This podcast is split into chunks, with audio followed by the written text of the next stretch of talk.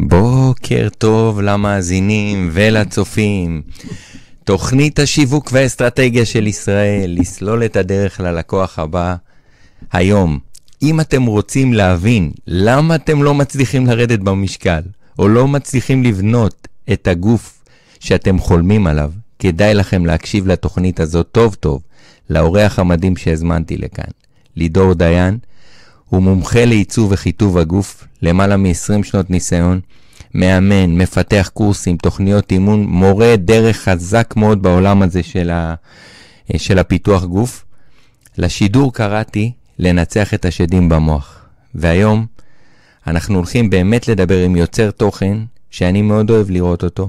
יש לו ידע פסיכי לגמרי בעולם הספורט, ומספיק להסתכל על השרירים שלו אם הוא יסכים לשלוף לנו עוד מעט איזה שריר ביד, בשביל להבין שהוא יודע על מה הוא מדבר. פתיח, ואנחנו מתחילים. פדיחות של שידור. ועכשיו, לסלול את הדרך ללקוח הבא. תוכנית השיווק והאסטרטגיה של ישראל, בהגשת היועץ האסטרטגי ליאור אקירב. בתוכנית נבחן איך לבנות, לשפר ולקדם עסקים, נכיר סיפורי הצלחה, כלים באסטרטגיה, שיווק, מכירות ופיתוח עסקי, שיעלו את העסקים שלכם לרמה הבאה. ורק אצלנו, ברדיו החברתי הראשון. בוקר טוב, אז אנחנו מתחילים. בואו נקבל את לידור דיין בלבבות, באהבה, מי שמקשיב ברדיו, ברכב, איפה שאתם לא נמצאים, תנו כפיים לאיש והאגדה, נקבל אותו, ויאללה, אנחנו מתחילים. לידור, בוקר טוב. בוקר טוב ליאור. רגע, לא שומעים אותך? סליחה, דבר עכשיו. בוקר טוב ליאור. או, או. קודם כל, תודה רבה על ההצגה, אה, על איך שאתה מציג אותי. אני, אנצל רגע את ההזדמנות להגיד לך תודה רבה באמת על ההזדמנות uh, להגיע לכאן, uh, לאולפן, uh, ואני באמת אעשה את המקסימום לתת כמה שיותר ערך לאנשים שבין אם הם מקשיבים לזה או צופים בזה, אז תודה רבה. תודה על, על הזכות. אתה יודע, אני אומר כל פעם שבאמת יש לי את הזכות לפגוש אנשים ממש מדהימים ש, שהם עושים השפעה מאוד גדולה.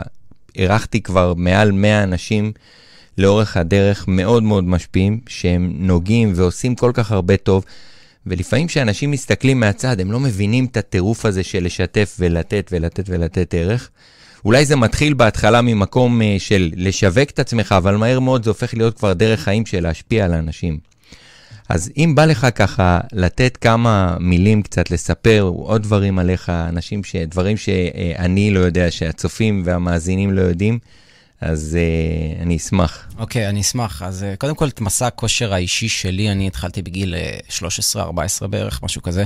Uh, וזה היה מסיבה מרכזית שכל ילד בן 13-14 רוצה להתחיל להתאמן, שזה בעצם להרגיש חזק יותר, להרגיש uh, ביטחון עצמי גבוה יותר, uh, ולשנות את הנראות החיצונית שלו.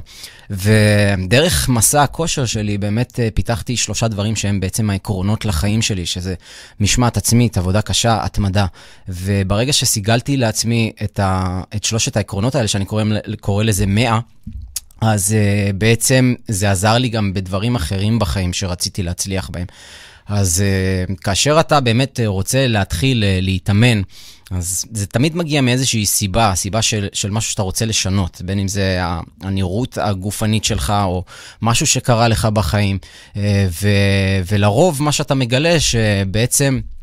כשאתה נכנס לתהליך הזה, זה, זה ממש uh, משפר את האישיות שלך. אתה בעצם, כמו שקראת לזה, לנצח את השדים במוח, אז החדר כושר מבחינתי זה באמת לנצח את השדים במוח, כי כל פעם שאני מגיע לחדר כושר, זה מלחמה שלי עם עצמי. ובכל פעם שאני דוחף יותר, אז uh, תמיד יהיה את הרגע הזה שהקול הזה בפנים יגיד לי, תעצור, אז uh, תוותר על איזה חזרה אחת, תוותר על איזה סט. ובכל פעם שאני דוחף את עצמי יותר, אז אני עולה את עצמי, מעלה את עצמי ל, לרף הבא, לרמה הבאה. Uh, וזו מלחמה שהיא יומיומית, זה, זה לא משהו שנגמר אף פעם, ואתה לומד לחיות עם זה. וככל שגדלתי עם השנים, אז הבנתי כמה אני צריך את זה לעצמי. אני, חייב את המלחמה הזאת כל יום עם עצמי, כי, כי ככה אני בעצם גדל כגבר וכאדם בעולם הזה. ואם אני באמת רוצה לפתח את עצמי לרמה הגבוהה ביותר, זה, זה ככה אני מתחיל בעצם את היום שלי. גם היום, לפני שהגעתי לכאן, אז uh, אמרתי, אני חייב להתאמן על הבוקר, לפני שאני אגיע לכאן. אז קמתי בארבע וחצי, חמש ורבע הייתי כבר בחדר כושר, uh, ועשיתי אימון uh, רגליים של שעה וחצי. כי ידעתי שלפני שאני אוכל לתת מעצמי לעולם, קודם כל אני חייב לתת לעצמי. ורוב בני האדם הם, אה, הם כל כך עסוקים במסביב ושוכחים את עצמם. אז אה, דרך הדברים שלי, בין אם זה דרך היוטיוב שלי, התכנים שאני נותן, זה בעצם אה, לגרום לאנשים, קודם כל להאיר את הצד הזה בפנים, ש, שקצת רדום. ו, והדבר השני זה לא לשכוח את עצמך בדרך, כי החיים קורים לנו, ופתאום אלף ואחת דברים מסיחים את דעתנו, ו... חשוב מאוד לא לשכוח את עצמנו בכל הבלגן הזה. וכשאתה לא שוכח את עצמך ואתה נותן לעצמך את המינימום השעה הזאת ביום, בין אם זה להתאמן, לעשות משהו בשביל עצמך, אז אתה מרגיש טוב יותר, וכשאתה מרגיש טוב יותר, אתה יכול לתת לעולם בהרבה יותר. מדהים. אתה יודע, כשנכנסנו לפה, שאלתי אותך, אה, אמרת לי, תשמע, אני 20 שנה מתאמן, זה קל לי. ו, וזה קצת, אה, קצת צרם לי המשפט הזה שזה קל לי, כי... אה, ועכשיו אמרת משהו מצחיק, אמרת, אמרת משהו כל כך, זה השבוע התאמנתי אה, שלשום במכון כושר, היום אני, היום אני אלך או מחר בבוקר. ואני שלוש פעמים בשבוע מתאמן עם ה-ABC שלך עכשיו. אה, וואלה. אז, אז אתה יודע שזה מצחיק. אני באימון האחרון ויתרתי על איזה שני, שניים, שניים אחרונים לתת. אמרתי, לא נורא, היה לסט אחד, אני אוותר, אין לי כוח עליו. כן. די, אני חייב לוותר כבר, אני שעתיים אימון, די, אני מספיק לי, אני לא... השאלה מתי אומרים את הלא, אבל הרוב כאילו, שוב, יש גם, אתה יודע, אני יכול להגיד, טוב, אז אני לא מוותר לעצמי ואני אתאמן חמש שעות. השאלה מה האידיאל, וברגע שאתה יודע מה האידיאלי עבורך, על המטרות שלך, הספציפיות שלך, על הרמה שלך, אז uh, אתה יודע מתי לדחוף ומתי זה, זה לא צריך לדחוף מעבר ל, ליותר מדי, כי זה גם יכול לפצוע אותך בסופו של דבר. כן, נכון, אבל, אבל העלית פה נקודה מעניינת, ישר דק, נגעת בנקודה מאוד מאוד מעניינת. ודבר שני, אה, אני חושב שדיברת על הקטע של 20 שנה שאתה מתאמן וזה קל. אני אף פעם לא מצליח להבין את העניין הזה של, של זה קל. כי תשמע, השגת כבר את הגוף שאתה רוצה, נכון? יש לך גוף פיזי מאוד מאוד חזק. אתה בן אדם, במהות שלך אתה חזק, אני רואה אותך, אתה מתאמן כבר, אני רואה את האימונים שלך, אתה עושה אימונים מאוד אינטנסיביים. אין איזה שלב שאתה כבר אומר, די, התעייפתי מה, מהמאמץ הזה, לקום. שמע, זה, זה לאסוף את עצמך ממה שאתה עושה וללכת למכון כושר ולעשות עבודה, למרות שזה הביזנס שלך גם, אבל עדיין, גם כשהעסק שלי הוא, אתה יודע, אני מתעסק בייעוץ אסטרטגי, אז גם לי יש רגעים שוואלה, לפעמים אני אומר, די, אין לי כוח יותר לתת ל, לא לעצמי ולא לאף אחד. יש רגעים שבא לי לעצור, לנוח. Mm-hmm. איך אתה, האם יש רגעים כאלה? איך אתה חווה את ה-20 שנה האלה, שעבורך זה לכאורה היה קל, אבל 20 שנה, יש שבוע שלא הלכת, יש uh, ימים שפתאום לא היה, לך, לא היה בא לך ללכת ובכל זאת הלכת, או שוויתרת. ספר קצת על ה-20 שנה האלה, כי זה מעניין אותי. כמובן שזה לא קל, אוקיי? זה, זה, לא, זה לא פשוט קל. ל, ל, לעשות את הדברים, זה, זה, זה אולי מהצד לפעמים נראה קל אחרי שאתה עושה את זה מספיק שנים, אז ההרגל עובד על אוטומט. זה כמו, אני לא חושב על לצחצח שיניים, אני פשוט יודע שאני צריך לצחצח שיניים, אני יודע שאני צריך להתקלח. אבל ככל שאתה עושה משהו מספיק מספיק פעמים, זה כבר, אתה לא פועל לפי רגש, אתה פועל לפי מה שהגוף ומערכת העצבים שלך התרגלה לעשות. אז uh, כאשר אני ניצב ב... באיזושהי סיטואציה שנגיד לא ממש בא לי, אז אני מבין, כי יש לי רזומה של מספיק פעולות שעשיתי בעבר, שמגבים את זה שלא משנה מה הרגשתי, עדיין עשיתי את זה. ואני זוכר את זה בימים שהיה קר, והלכתי מאוחר באמצע הלילה להתאמן, בימים שהלכתי מוקדם להתאמן, בימים שעבדתי 12-14 שעות ובכל זאת התאמנתי אחרי 12-14 שעות. אז ככל שאתה מוכיח לעצמך במעשים שוב ושוב ושוב ושוב, אתה לא פועל לפי רגש יותר, כי אתה יודע שכבר יש משהו שמגבה את זה, יש מספיק פעולות שמגבות את זה, ואז אתה כבר זוכר מי אתה במהות שלך. אז מספיק העשר דקות, רבע שעה הזה שאני קצת עייף, אבל אז אני נכנס לזה. כי, כי שם ההרגל נכנס, שם מערכת העצבים שלי אוטומטית כבר נכנסת לפעולה, ואני לא חושב על אם בא לי, לא בא לי. אני לא פועל לפי רגש, אני פועל לפי מה שצריך להתבצע בכל יום. ואם כל יום אני צריך להזיז את עצמי, להזיז את הגוף שלי, או אה, אני צריך לעשות דברים על מנת לקדם את העסק שלי. זה דברים שצריכים להתבצע, כי כל עוד אנחנו נפעל לפי רגש, מי כמוך יודע שאם תפעל לפי הרגש שלך, אז אתה לא תתקדם uh, הרבה. ואפשר לראות את זה גם דרך היוטיוב שלי. כי היה לי תקופות שפעלתי המון לפי רגש, וכשפעלתי לפי רגש, מה שקרה, אז עצרתי. כי לא עבד לי הדברים כמו שרציתי, אז אני נותן, נותן, נותן 600, 700, 800 סרטונים, ואז, אה, אבל לא עובד לי כמו שאני רוצה, טוב, אז בוא, בוא נעצור. אבל כש... כש ו, ומה שלמדתי מכל זה, זה ככל שאני פועל יותר לפי הרגש שלי ולא לפי דברים שצריכים להתבצע, אז אני פשוט הולך אחורה, יש רגרסיה. זה כמו לבנות בניין. לבנות בניין זה, זה מצריך המון, נכון? לבנות את הבסיס, לבנות את כולו. אבל זה בדיוק דורש שנייה וחצי בשביל להרוס בניין שלם. וזה אותו דבר גם uh, כשאתה בונה את עצמך כבן אדם. כי אם אתה מנסה לבנות את עצמך, זה ייקח זמן. זה לוקח הרבה זמן לשנות הרגלים, זה לא משהו שיקרה ביום-יומיים או שבוע-שבועיים. אז uh, ככל שאתה יוצא למסע השינוי הזה, אז ברגע שאתה עוצר את זה, אז מאוד מאוד קל לחזור להרגלי עבר ולדברים שלא מקדמים אותך. אז uh, כאחד שחווה את זה לא מעט פעמים, חשוב לי באמת... Uh, לא לעצור הפעם, ובאמת אה, לתת את המקסימום שלי, כדי uh, באמת להיזכר כאדם שהלך בדרך עם ההתנגדות הכי קשה, ולא uh, חיפש רק את קיצורי הדרך האפשריים כדי להשיג הכל בצורה הכי קלה ומהירה. אתה יודע שדיברת עכשיו על העניין של, של הרגש. במכירות תמיד מדברים על זה שאומרים שהרגש מחליט והשכל מצדיק. Mm-hmm. זאת אומרת שתמיד בעשייה שלנו, הרי אנחנו תמיד במכירה לעצמנו, לסביבה, לעולם, כל מה שאנחנו עושים, לפעמים אנחנו צריכים לצאת החוצה, אנחנו צריכים למכור לעצמנו. ומאוד מאוד התחברתי לעניין הזה של אם אתה תיתן לרגש, אתה צריך לשנ... לשלוט ברגש שלך בעזרת המוח שלך, ולדאוג שיגיע הרגש הנכון לקדם את המטרות שלך. כי אם לא, הרגש הוא באמת, הוא מטלטל, ותמיד, אתה יודע, המוח יצדיק את הפעולות של הרגש, את, את, את מה שהרגש אומר. אז מאוד מאוד התחברתי, ואני, כל פעם שאני שומע אה, אנשים כמוך, אה, שהם באמת אנשים משפיעים, אתה יודע, לראות את המסע שעשית ביוטיוב, ראיתי את המסע שלך, זה אולי נראה פשוט מהצד, אולי אומרים, רגע, כושר כן, זה יותר פשוט, זה, לא, זה מסע מטורף, שאני בטוח שהוא היה מלא מלא מלא טלטלות, והוא רק מייצג את זה, את, ה, את העוצמות הגדולות שיש לך. אה, של לא לוותר, של, של הנחישות, של לצאת ולהמשיך, וגם כשהדברים לא עובדים, מי כמוני ומכל בעל עסק יודע שיש תקופות שהדברים לא עובדים. יש שנים קשות יותר ויש שנים טובות יותר. אבל העניין הוא לראות איך אתה מתקדם למרות השנים הקשות, למרות האתגרים בדרך, למרות שהדברים לא עובדים, ווואלה, שאפו, תודה על השיעור הזה שנתת לנו פה. תודה לך. הייתי גם מוסיף אה, שזה גם הכל עניין של במה אתה מתמקד. כי גם אם לאורך כל הדרך, בין אם אתה בונה את הגוף שלך או בונה קריירה, אם אתה מתמקד בכל הדברים שלא עובדים לך, שזה, אגב, אני אשם בזה אה, לא פחות, אה, שהרבה בתקופה ההתחלתית שלי התמקדתי בכל הדברים שלא עובדים לי. ומה שקורה זה, במה שתתמקד זה מה שאתה תרגיש, נכון? מה שתחווה ומה שיהיה המציאות שלך. אז מה שאנחנו רוצים לעשות זה בעצם לאמן את המוח שלנו להסתכל על, על מה שיש, כי המוח שלנו פועל לפי מנגנון הישרדותי, ו, ומה שזה בעצם אומר, הוא תמיד יחפש מה לא בסדר, הוא יחפש תמיד מה חסר לי.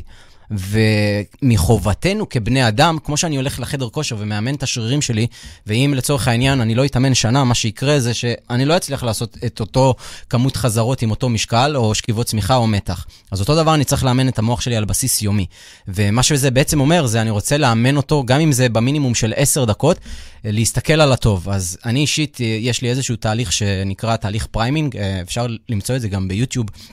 זה נקרא אה, הדרך הכי טובה להתחיל את היום.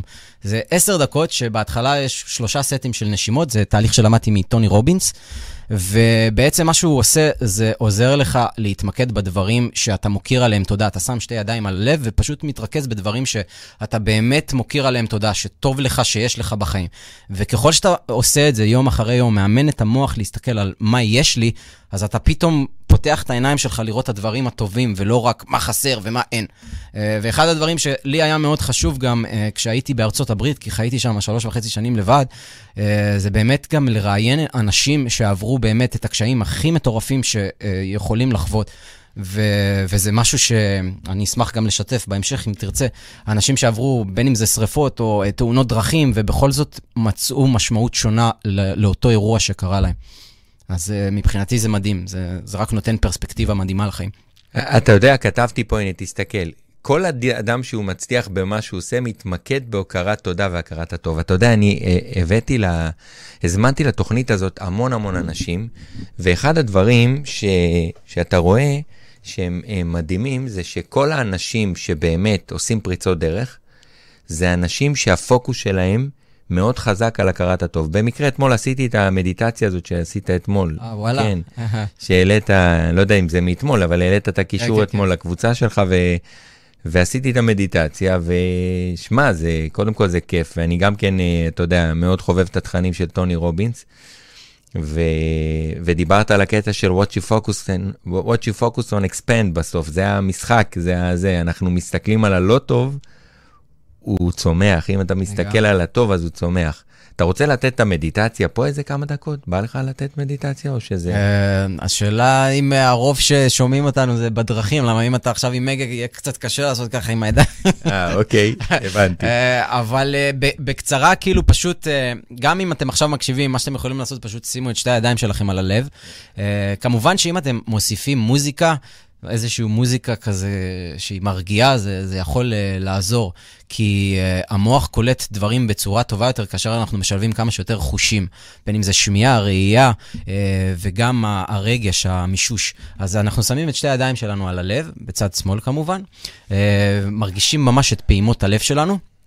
ומה שאני רוצה שתעשו זה פשוט uh, תתמקדו בדבר אחד שאתם uh, מוקירים עליו תודה, שאתם מודים שיש אותו בחיים שלכם. וכשאתה עושה דבר כזה, ובאמת ממוקד בזה, ממוקד בדבר הזה ש, שטוב שיש לך בחיים, אז מה שאתה רואה זה שכאב נעלם, פחד נעלם, כעס נעלם. כי כאשר אנחנו חווים הרגשה שהיא טובה, שלא קרה, אז uh, אתה לא יכול להרגיש uh, רגשות שליליים כמו כאב, כמו חוסר, כמו בדידות. אז uh, ככל שאנחנו מתרגלים את זה יותר ויותר, אנחנו באמת uh, יכולים לחוות רגשות שהם חיוביים יותר. אז uh, תנו לעצמכם איזה רגע אפילו. ממש תרגישו את זה. תרגישו משהו שאתם ממש מודים עליו בחיים. יכול להיות שזה בן או בת זוג שיש לכם בחיים. יכול להיות שזה אבא, אימא, יכול להיות שזה איזשהו משהו קטן אפילו שקרה אתמול, או היום בבוקר. באמת תרגישו את זה, תחוו את זה.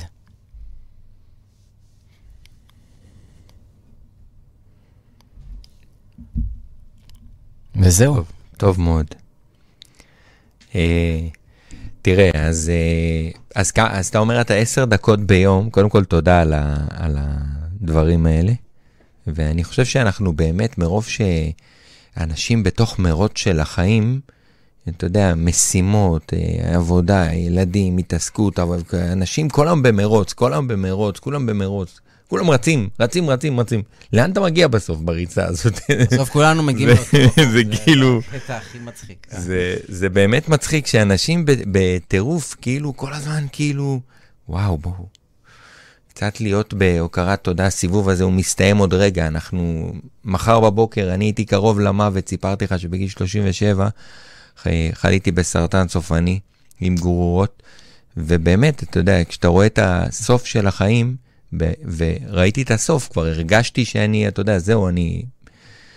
אני זוכר שישבתי על ספסל יום אחד, שתיים לפנות בוקר, באותו יום שהייתי אמור ללכת לפני הטיפולים הכימותרפיים, ופשוט, אתה יודע, ישבתי ובכיתי לבד, ווואלה, ו- וזה היה, זה היה אחד הרגעים שבאמת uh, בלתי נשכחים עבורי. אני חושב שאנחנו צריכים להבין שהנשימה מחר, הנשימה הבאה לא מובטחת לנו, עזוב את המחר. זאת אומרת, שום דבר לא מובטח.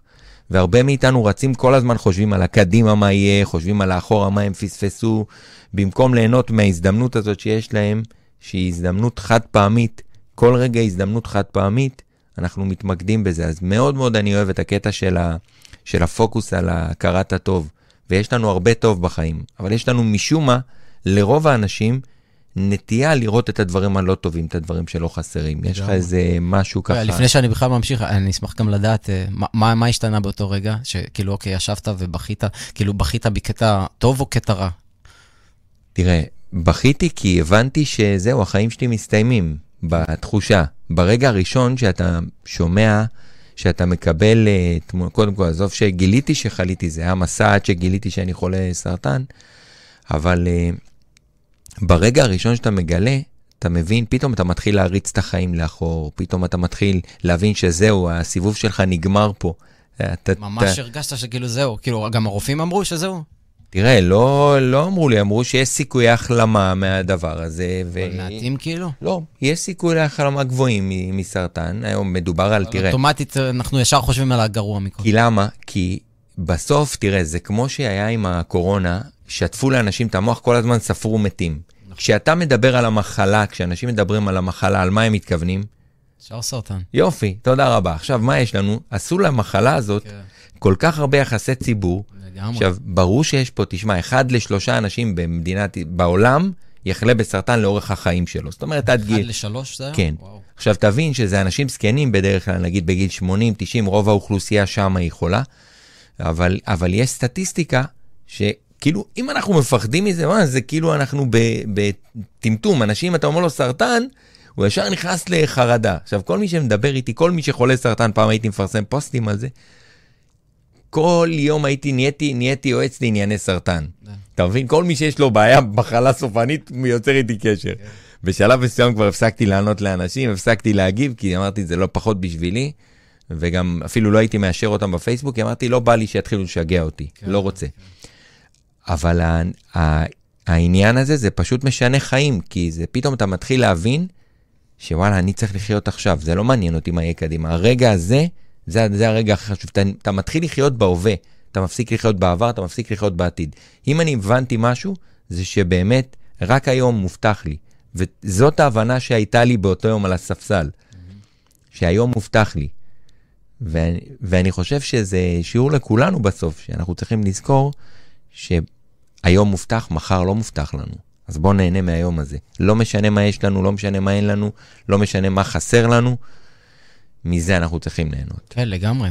וזה תזכורות יומיומיות שאנחנו צריכים לתת לעצמנו. כי, כי יכול להיות, אתה יודע, אתה חווית את מה שחווית, וחמש, עשר שנים מהיום, אם אתה עדיין לא תמשיך לתרגל את ההוקרה ואת הדברים האלה, אנחנו נופלים למה שנקרא the law of familiarity, כאילו, כשאתה סביב משהו מספיק זמן, אתה לוקח אותו כמובן מאליו. אז, אז גם את החיים שלנו אנחנו לוקחים כמובן מאליו, ברגע שאני כבר בריא והכל בסדר, ואוקיי, שכחתי מה היה כבר לפני עשר שנים, כאילו, שהייתי ככה קרוב מ- מלא להיות פה, אז uh, זה תרגול יומיומי, כי המוח תמיד עושה deletion כזה, כאילו, הוא מוחק דברים uh, עם הזמן.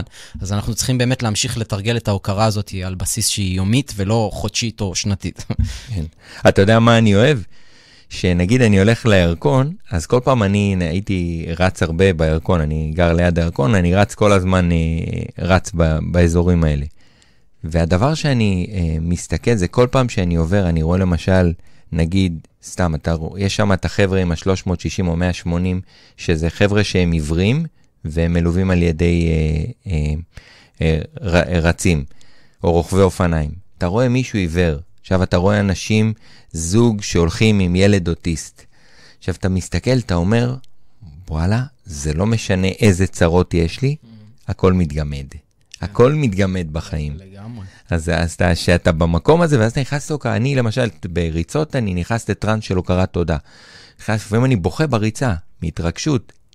ממקום של כאילו, אתה בטוח יכול להבין את זה גם. לגמרי, אני גם כזה. אנחנו שתי אנשים רגישים, אני מרגיש אותך באנרגיה שלך. כן. אז uh, בגלל זה כנראה גם התחברנו.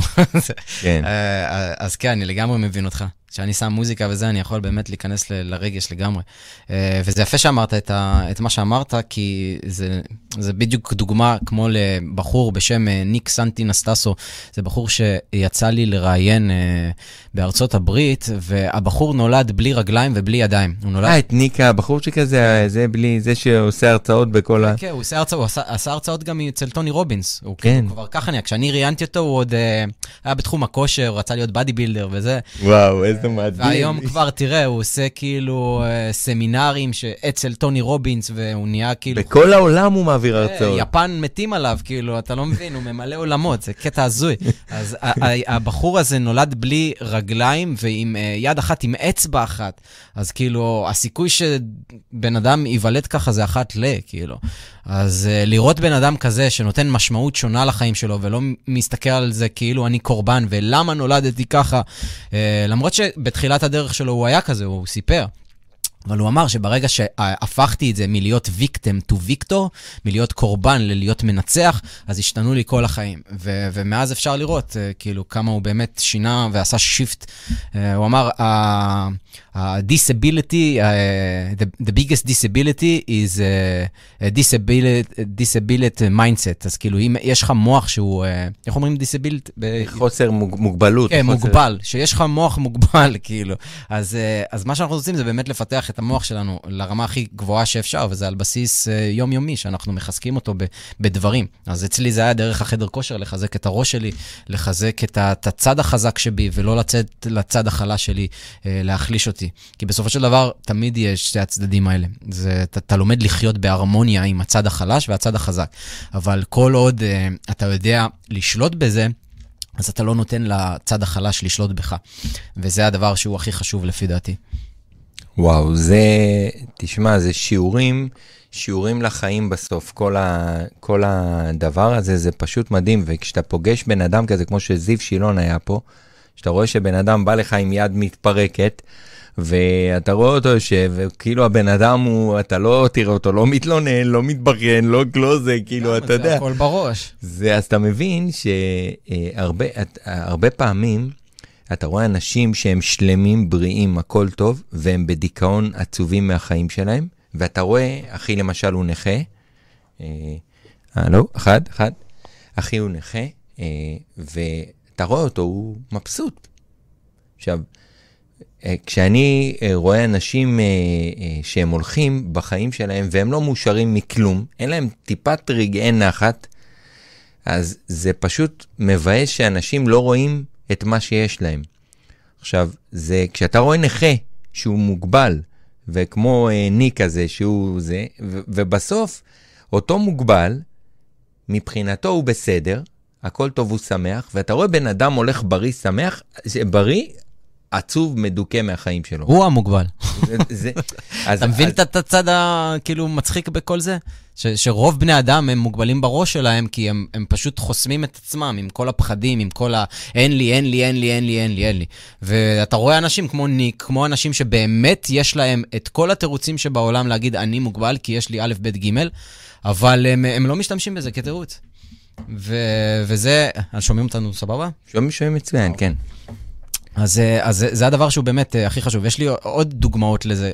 ראיינתי גם בחור שנשרף בגיל 4, שזה בכלל כאילו הזיה. כאילו, תחשוב בן אדם, ילד בן 4, זוכר לפרטי פרטים מה קרה ביום השרפה, והוא נשרף 95% מהגוף שלו. גדל לעולם שלא קיבל אותו, שקרה לו מפלצת, ובגיל 15-16 הוא התחיל לפתח את הגוף שלו, הלך לחדר כושר, וזה באמת אה, עזר לו אה, ל- לראות את, אה, את עצמו בצורה טובה יותר ולפתח ביטחון עצמי, והיום הוא בחור בן 20-21, והוא חיובי, והוא אוהב את החיים, והוא אוהב את עצמו, עם כל זה ש-95% מהגוף שלו נשרף, והוא עבר איזה 100 ניתוחים. אז אה, שוב, זה גם עוד דוגמה מצוינת לכמה הכל זה עניין אה, של החלטה. אתה בוחר להחליט אה, במה להתמקד, וזה בחירה, זה בחירה להרג... לסבול, כי הסבל אנחנו עושים לעצמנו בתוך הראש. ממש. עכשיו, אתה יודע, מי, ש... מי שאולי יקשיב לשידור הזה יחשוב שזה שיחת עכשיו, שיחת חולי. אז לא, זה לצערנו, יש סטטיסטיקה, יש דברים, יש אירועים שקורים בחיים, ויהיו אנשים בחיים ש... שקורים להם דברים. עכשיו, אה, הסיפור האחרון בהקשר הזה, אבא של חבר טוב שלי, הוא היה חולה ALS. והוא איש מדהים, הוא כתב לברי סחרוב מוזיקה, כתב ספרים, כתב הצגות, כתב מחזות, רק עם העיניים. והוא היה סבא מדהים, והנכדים שלו והילדים, וכולם בהערצה גדולה עליו, מלמד. אה, אה, ו- וזה מדהים איך, איך אנשים, למרות מה שקורה להם, למרות הכל, הם עדיין מצליחים לראות את הטוב. אז זה בהקשר הזה. אז בואו נעבור לספורט קצת. אה, כן, בכיף, בשמחה, אני אשמח ככה לתת קצת... יאללה, אז תראה, אני כבן אדם ש... מתאמן, אני כל, ה, כל השנים מתאמן, בטח ב-15 שנה האחרונות, אבל נגיד במרתון, הייתי סובל בריצות, כבר הייתי סובל, היה לי קשה, אבל אמרתי, אין, כל יום הייתי יוצא לבד, הייתי יוצא, רץ לבד, ועם מאמן כמובן, שליווה אותי, אבל כאילו, אתה יודע, מרחוק הוא היה עוקב אחריי. ו, וככה התאמנתי, ואני רואה הרבה אנשים, נגיד היום אני במכון כושר, ואני ממש עכשיו שלושה, ארבעה חודשים כבר עובד, וזה כבר מתחיל אה, לאט לאט לראות כבר uh, תוצאות. Uh, עדיין לא רואים משהו, זה לא, לא לידך, אחי, אבל לאט לאט, אתה יודע, אי אפשר להשוות אף פעם, אבל, אבל זאת הטעות, אגב, של כולנו. כן, ו- ואני, ואני מבין שרוב האנשים, הם מתחילים ונעצרים. אתה יכול לתת משהו על אפרופו לנצח את השדים במוח, איך מנצחים את השדים במוח? אנשים, ו- ואתה רואה את זה יום-יום, אתה בטח נתקל בזה. בטח ב- yeah. כן. עם לקוחות, עם אנשים שאתה פוגש, שאנשים נשברים. עכשיו, זה לא משנה מה הם עושים, תן להם את כל הכלים בעולם, תן להם את כל הידע הכי טוב בעולם, תן להם את כל הניסיון שלך, ובסוף כשהוא יצטרך לצאת החוצה לעשות את האימון כושר, יהיה לו תירוץ אחר לעשות. נכון. אז uh, מה, איך אתה רואה את הדברים האלה? שינוי בדרך כלל מתחיל מזה שאתה כבר לא, לא רוצה לסבול, כי יש משהו שכואב לך. אז הבטן מציקה לך, או אשתך אמרה לך ש, שנהיית פדלאה, או השמנת, או כל הדברים האלה. יש איזשהו משהו שיביא איזשהו טריגר שיגיד, די, אין לי כוח, לא רוצה את הבטן הזאת, אני חייב להתחיל לשנות את הגוף שלי. אה, ורוב האנשים, מה שהם עושים בשביל לייצר שינוי, הם קודם כל מחפשים את האסטרטגיה. אז כאילו, מה האסטרטגיה הכי טובה? אני אעשה צום לסירוגין, אני אעשה דיאטת קיטו, אני ממחר... מחר, זהו, אין פחמימות, לא אוכל יותר פחמימות. אז אה, כל הדיאטות וכל האסטרטגיות האלה יכולות להיות נחמדות והכול, אבל אני אומר דבר כזה, בשביל לייצר שינוי אתה צריך לייצר מסה. מסה זה בעצם ראשי תיבות של מצב רגשי נכון, אתה חייב להיות ב state הנכון, כי אם אתה, טוב, אני אנסה עכשיו uh, לרדת, אז כאילו, אם אני מנסה, סביר להניח שאני לא אצליח. ניסיון אף פעם לא עובד. אני הולך לעשות את זה, כאילו. אז אתה חייב להביא את עצמך למצב הרגשי הנכון. ברגע שאתה במצב רגשי נכון, אז אתה מספר לעצמך סיפור שונה, שזה חלק מהמסה, הסמך. אז ברגע שיש סיפור שהוא, שהוא דווקא יכול uh, לגרום לך ללכת ללכת לעבר התוצאה שאתה רוצה, ואתה לא אומר לעצמך, אה, לא ירדתי כי כל החיים שלי הייתי שמן, ויש לי גנטיקה לא טובה, או אני בן 40, בגיל 40 זה לא אותו דבר כמו בגיל 30. זה אמונה מגבילה. אז להבין את כל האמונות המגבילות האלה. ורק אז, כמובן, האסטרטגיה יכולה לעזור. אה, אבל בשביל שבאמת אנשים אה, יתמידו לטווח הרחוק, הם חייבים קודם כל מומנטום של תוצאות של החודשים הראשונים. כי ברגע שהם רואים איזשהו שינוי, המוח אוטומטית אומר, הנה, רואה, זה מצליח לך, בואו נמשיך. אבל אם חודש, חודשיים ראשונים אין איזה שהם תוצאות, אז המוח ייקח אותך לכיוון השני, הוא יגיד לך, הנה, רואה, אמרתי לך שזה לא ילך, חבל על, על הזמן, כאילו אתה סתם מבזבז את הזמן שלך. אז אה, מה שאנחנו רוצים זה באמת לראות איזה שהן תוצאות בחודשים הראשונים, וגם לקשר את זה למניע שהוא חזק יותר מרק הנראות היפה הזאת בשביל הקיץ, או החתונה של דודה חנה שמתחתנת, או whatever שזה לא יהיה, אוקיי? אז אנחנו רוצים באמת לקשר את זה למשהו שאנחנו יודעים שאם אני משנה את הגוף שלי, את האנרגיות שלי, אני אהיה גבר חזק יותר, עם ביטחון יותר, אז אתה מנסה להשריש את זה לדברים שהם הכי חשובים לך בחיים. אני אהיה אבא טוב יותר, אני אהיה בעל טוב יותר. אז כשזה מחובר לדברים האלה, אתה תרצה להמשיך. ולא רק כי אני רוצה קוביות בבטן. קוביות בבטן זה יפה, הכל טוב ויפה, אבל זה חייב להיות משהו שהוא מעבר בשביל שזה יהיה uh, לטווח הרחוק. Uh, אז זה בעצם ככה איך אנחנו עושים uh, שינוי.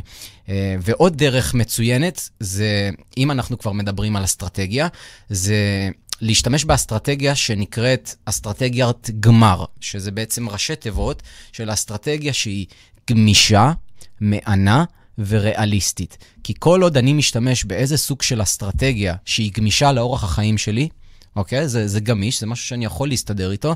היא מהנה, אני יכול ליהנות מזה, אני לא סובל, אני לא מוריד פחמימות לגמרי או מאכלים שאני אוהב, והיא ריאליסטית גם לאיפה שאני נמצא היום. כי אם לצורך העניין אני על 30% שומן, ואני רוצה להגיע ל-10% שומן בחודש, סביר להניח פיזיולוגית זה לא משהו שיכול לקרות בחודש, סבבה? אז זה חייב להיות גם מאוד ריאלי. זה למה לקחת איזשהו איש מקצוע, מישהו שמומחה בתחום הזה, יכול מאוד לעזור לנו אה, לנתב את זה לתוצאות המהירות ביותר, כי... אני לא מנסה אלף ואחת דברים, או בגלל שהחבר הכי טוב שלי נראה טוב, אז אני, אני אשאל אותו, או הזה במכון אמר לי לעשות ככה. לא, לכו לבן אדם שאשכרה חי את מה שאתם רוצים להשיג, והוא עושה את זה מספיק מספיק שנים, ותלמדו ממנו, תעשו מה שהוא אומר, תסמכו על בן אדם אחד. כי היום אנחנו חיים בעולם שטיק טוק, אינסטגרם, כל, כל הדברים האלה, כולם יעשו הכל בשביל uh, שתסתכלו עליהם. אה, הנה, בוא תראו, יש לי פה איזושהי uh, שיטה מוצלחת, וככה וככה וככה. Uh, ומה שקורה, כשבן אדם לא ממש uh, מבין בתחום מסוים, הוא יאמין לכל דבר שיגידו לו. אז תבחרו בן אדם אחד שאתם באמת סומכים עליו, בין אם זה בן אדם אחד, גבר, אישה, whatever שזה לא יהיה, ופשוט תלכו אחרי מה שהוא אומר לכם. לא להתבלבל יותר מדי בדרך, אבל רגע, זה אמר, יוסי אמר ככה, אבל משה אמר ככה. לא. אם uh, לידור אמר ככה, אני אלך לפי מה שלידור אומר לי. אם יוסי אמר ככה ואני החלטתי שאני מקשיב ליוסי, אז אני מקשיב ליוסי. וככה בעצם אנחנו מונעים את כל הטעויות האלה במהלך הדרך. אתה יודע, עכשיו נתת פה אה, שיעור מאוד מאוד חשוב על, אה, על נושא של אה, איך, איך מתמידים. כי נגיד אני במשך שנים ניסיתי לרוץ, נגיד ב-2010, 2011, ניסיתי להתאמן, ל... רציתי לעשות uh, טריאטלון והתחלתי להתאמן, אבל uh, כשהיה לי מאמן בקבוצה שהוא ממש, uh, אתה יודע, כאילו עם, עם משמעת של לקום בשעה ספציפית ולהיות ביום ספציפי, ועם השנים הבנתי שאני לא הטיפוס הזה שתגיד לי עכשיו לבוא ביום ראשון, שלישי וחמישי בשעה חמש בבוקר, אם אתה תשים לי את המסגרת הזאת, המשבצת הזאת, אני לא אעשה את האימון. אז הבנתי שאני חייב לפתח גמישות אפרופו, ולהגיד, אוקיי, אני מתאמן שלוש פעמים בשבוע. אם עד יום שלישי לא עשיתי אימון, אני חייב לצאת למכון כושר, או לרוץ. אם עד יום חמישי לא עשיתי אימון נוסף, אני חייב לצאת עוד הפעם. כן. ואז אני יודע שיש לי מסגרת של שלוש פעמים בשבוע, שהיא לא חונקת אותי, שאני גמיש בתוך, ה, בתוך הלו"ז שלי, ו, ו, ובצורה הזאת אני הצלחתי להתמיד, הצלחתי לעשות מרתון, ואתה יודע, אני, עכשיו אני כבר שלושה וחצי חודשים במכון כושר, שזה היה הדבר הכי שנוא עליי בהתחלה, לפני שנכנסתי, לא יודע למה, היה לי סטיגמה מאוד שלילית, מגיל 14 שהייתי מתאמן במכון כושר. ו, ואני חושב שההבנה הזאת של מה שאמרת, הגמר, איך אמרת את זה? כן, אסטרטגיית גמר, גמישה, מענה וריאליסטית. וריאליסטית. והקטע של הריאלי, הרבה פעמים אנשים רואים מישהו אחר, אפרופו נגיד אני רואה אותך, עכשיו רוב האנשים הטעות שלהם זה שהייתי מתאמן למרתון הייתי רואה את זה הרבה. אתה רואה מישהו שלא רץ בחיים, פתאום עוקף אותך במהירות, כאילו עכשיו זה אני אומר עוד חודשיים הוא מפסיק לרוץ. ברור לי. למה? כי אני בכלל באימון בריצה איטית, ואתה יודע, והוא בא, הוא מתלהב, רץ איתי פעם אחת, עכשיו רץ כאילו בטירוף, עושה, עושה את מרתון חייו, אחרי שבוע אין לו כוח יותר לצאת. ו, וזה העניין, העניין הוא לא להסתכל על אחרים. ו- ולהיות ריאלי למציאות שלך, ליכולות שלך. לא לקפוץ מעל הראש, לא לקפוץ מעל הפופיק, כי אז מהר מאוד אתה מוצא את עצמך שאתה לא יכול להתמיד בזה. זה פשוט גומר אותך. ו- ולספורט, וכמו, זה כמו בעסקים, ספורט זה מאוד מאוד אגרסיבי. אם אתה לא מסוגל להתמיד, ואתה לקחת משהו שהוא גדול עליך, יאכל אותך, בלי מלח. אתה מתחבר לזה? לגמרי, וגם uh, פה גם חשוב uh, להכיר את עצמך, דע את עצמך. כאילו, כי אם אתה יודע להכיר את עצמך, את היכולות שלך, מה אתה מסוגל, מה אתה לא, מה ההרגלים הקיימים שלי, האם יש לי יותר הרגלים טובים או הרגלים רעים? כי רוב האנשים פשוט לא לוקחים את הזמן, בגלל כל המרוץ הזה במהלך היום, הם לא לוקחים את הזמן רגע להכיר את עצמם. וכשאתה מכיר את עצמך בצורה שהיא באמת טובה יותר, אז אתה תדע גם להיכנס לאיזשהו שינוי או משהו שאתה רוצה להתחיל בצורה שהיא טובה יותר. כי אם אתה מכיר את עצמך כאחד ש... אוקיי, אם אני הולך על משהו, בדרך כלל אני all in, אני אתאמן 5-6 פעמים בשבוע, אבל אם אני מתאמן 5-6 פעמים בשבוע, אז סביר להניח שאני אפסיק uh, תוך חודש. אז מה שאני רוצה לעשות זה להתחיל בצורה הדרגתית. אז רוב בני אדם עושים את זה כל כך מורכב ללהתאמן. ל... אני ח... אם... מה זה להתאמן מבחינת אנשים? ללכת לחדר כושר, לאכול נכון, אה, חזה עוף ואורז, סלטים. לא, זה, זה, זה לא נכון. להתאמן מבחינתי זה להזיז את הגוף. אם אתה לא, בן אדם שלא התאמן בחדר כושר אף פעם, צא החוצה, תעשה מצידי הליכה של עשר דקות, רק עשר דקות. זה גם מוכח מחקרית שברגע שאנחנו סוג של עושים טריק למוח, שאני אומר, אני רק אצא להליכה של חמש-עשר דקות. ומה שקורה אחרי החמש עשר דקות, אתה, האדרנלין שם, וברגע שיש אדרנלין ואתה מרגיש כבר פתאום, אוקיי, אני, אני בתוך זה, שמתי את המוזיקה שלי, אז העשר דקות הופך לחצי שעה או אפילו שעה. אז uh, אנחנו באמת רוצים להתחיל מינונים שהם קטנים, כי המינונים הקטנים האלה ייצרו מומנטום ויגרמו לנו לעשות את הדברים יותר ויותר. אז ההליכות האלה פתאום יהפכו לאימונים ביוטיוב, ואז האימונים ביוטיוב יהפכו ל... יודע מה? אני נרשם לחדר כושר. אז ככה בעצם אנחנו מייצרים מומנטום. לא ישר, אני אתאמן בחדר כושר חמש, שש פעמים בשבוע. לא, כי ההרגלים הקיימים שלך לא ייתנו לך לעשות את זה. הם פשוט לא. אז דע את עצמך, זה הדבר הכי חשוב. תדע מי אתה, תדע את היכולות שלך ואת ההרגלים הקיימים. לא ההרגלים שאתה רוצה, אלא ההרגלים שכרגע, בחצי שנה האחרונה, חזקים, או בשנה האחרונה, או אה, העשור האחרון.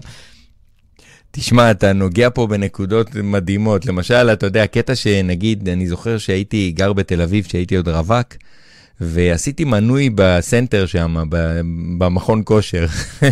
אז אתה יודע, אנשים עושים מנוי, ואחרי שבוע, הם הולכים בשבוע הראשון שבע פעמים בשבוע, אחרי שבוע הם הולכים חמש, אחרי עוד שבוע הם הולכים פעם, פעמיים, וזהו, מפה נגמר המנוי, זה כבר פג תוקף. כן, אז, אז בגלל זה כל המודלים של המנוי חודשי נוצרו רק בשביל לעזור לאנשים להניע.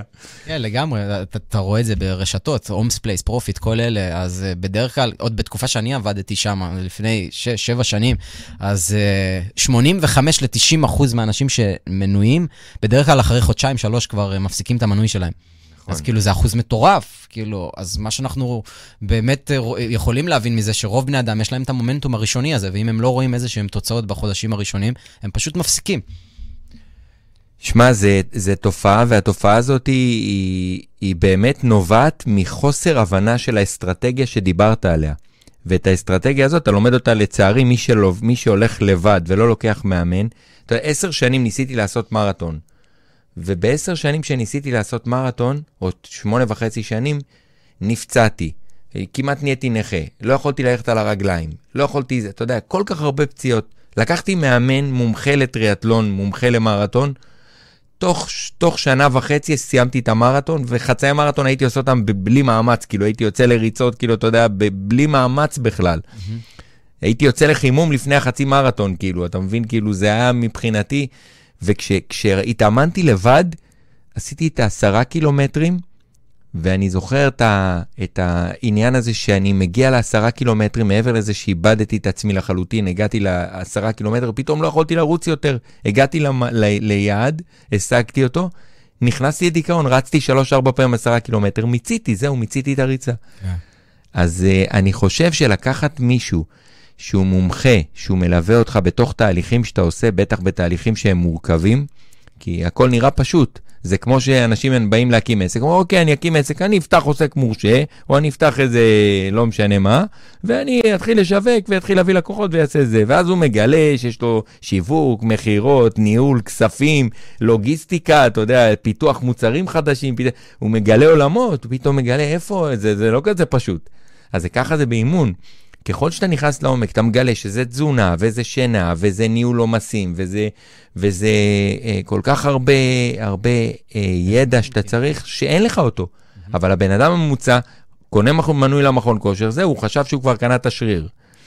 אז... אה, זה, זה בדיוק העניין. מה ההמלצה שלך לאנשים בקטעים האלה מעבר לעניין uh, שלה? לפי גם מה שאמרת, אז אפשר פה להבין שרוב בני אדם פשוט צריכים לייצר תנופה. אתה יצרת תנופה בזה שלקחת מאמן. אז uh, כל בן אדם צריך איזושהי סוג של תנופה, כי אני יכול לחשוב עד מחר ש... אני צריך להתאמן, ואני יודע שאני צריך להתאמן, אבל בפועל זה לא קורה, אני לא מתאמן. אז מה לעשות? אני חייב איזושהי תנופה חיצונית. משהו, סוג של נר בתחת, מה שנקרא, אה, בשביל להעיר את עצמי ו- ולהתחיל אה, לעשות את הדברים. כי אם לצורך העניין אני עכשיו אה, מתחייב לחבר, אני אומר לו, קח 3,000 שקל, אם תוך, שלושת, תוך חודש וחצי אני לא יורד את השלוש וחצי, ארבע קילו האלה, השלוש וחצי האלה נשאר אצלך. זה סוג של תנופה. אם בן אדם כאילו מעריך את הכסף שלו, ושלוש וחצי בשבילו זה הרבה כסף, הוא יעשה הכל בשביל לרדת את הארבע קילו האלה. אז אנחנו צריכים למצוא מה יזיז אותנו. אה, וברגע שאתה מתחייב לגורם חיצוני, לבן אדם חיצוני, או, או שם את עצמך שם בחוץ ואומר, אוקיי, אם ככה, אם אני לא אעשה א', ב', ג', אז זה ההשלכות של זה. וברגע שאתה עושה את הדבר הזה, מה שקורה, זה מהיר בך דחף. אני לצורך העניין השבוע יצאתי באיזשהו אתגר של The New You, שזה בעצם אתגר שבועי שנתתי באינטרנט בחינם. אני ש... שם באתגר הזה, חברים. אז, אז אפשר לראות את זה גם uh, בלייבסטרים שאני משדר uh, דרך היוטיוב ודרך הזום. אז השבוע הזה, אני, מה ששמתי לב זה שזה אתגר אותי, כי זה גרם לי להרגיש לא בנוח, כי הייתי צריך uh, להספיק לעשות כל כך הרבה דברים, בין אם זה עריכות של סרטונים וככה וככה וככה. Uh, ו... וברגע שאני שם את עצמי בפוזיציה של עד שמונה זה מוכן, או אני אומר שעה מסוימת שדברים צריכים לקרות, אז זה תנופה, זה מייצר לי תנופה לעשות יותר, לדרוש מעצמי יותר. כי אם, שוב, אני רק מספר לעצמי בראש, אני רוצה לעשות א', ב', ג', אבל אני לא, לא באמת אה, שם את עצמי שם בחוץ, ו, ואני גם כאילו נותן דין וחשבון לעוד אנשים חוץ מרק לעצמי, אז, אז התהליך יהיה בהרבה יותר ארוך. אז זה דרך לייצר מומנטום. אתה יודע, פעם עופר מלמד, זה מנטור שאני עובד איתו הרבה שנים בשיתוף פעולה, והוא אמר משהו יפה. הוא אמר, תמיד כשהיינו מוכרים ללקוחות תהליכים, אז היינו אומרים להם, קח את הכסף, אל תשלם לנו, מישהו שלא רוצה. סע לכותל, שים עכשיו 3,000, 4,000, 5,000 שקל בכותל, okay. אוקיי. סע לשם, אתה תראה שאתה תראה שיפור בעסק. אתה תראה שיפור בתוצאות שלך. ואני חושב שעצם זה שאתה, כי כסף זה דם, בסוף אתה יודע, כסף אנחנו אומרים זה דמי חנוכה, דמי, אתה יודע, דמי פורים, זה דם. אנשים עובדים בשביל זה, מוותרים על החיים שלהם בשביל להשיג כסף הרבה פעמים.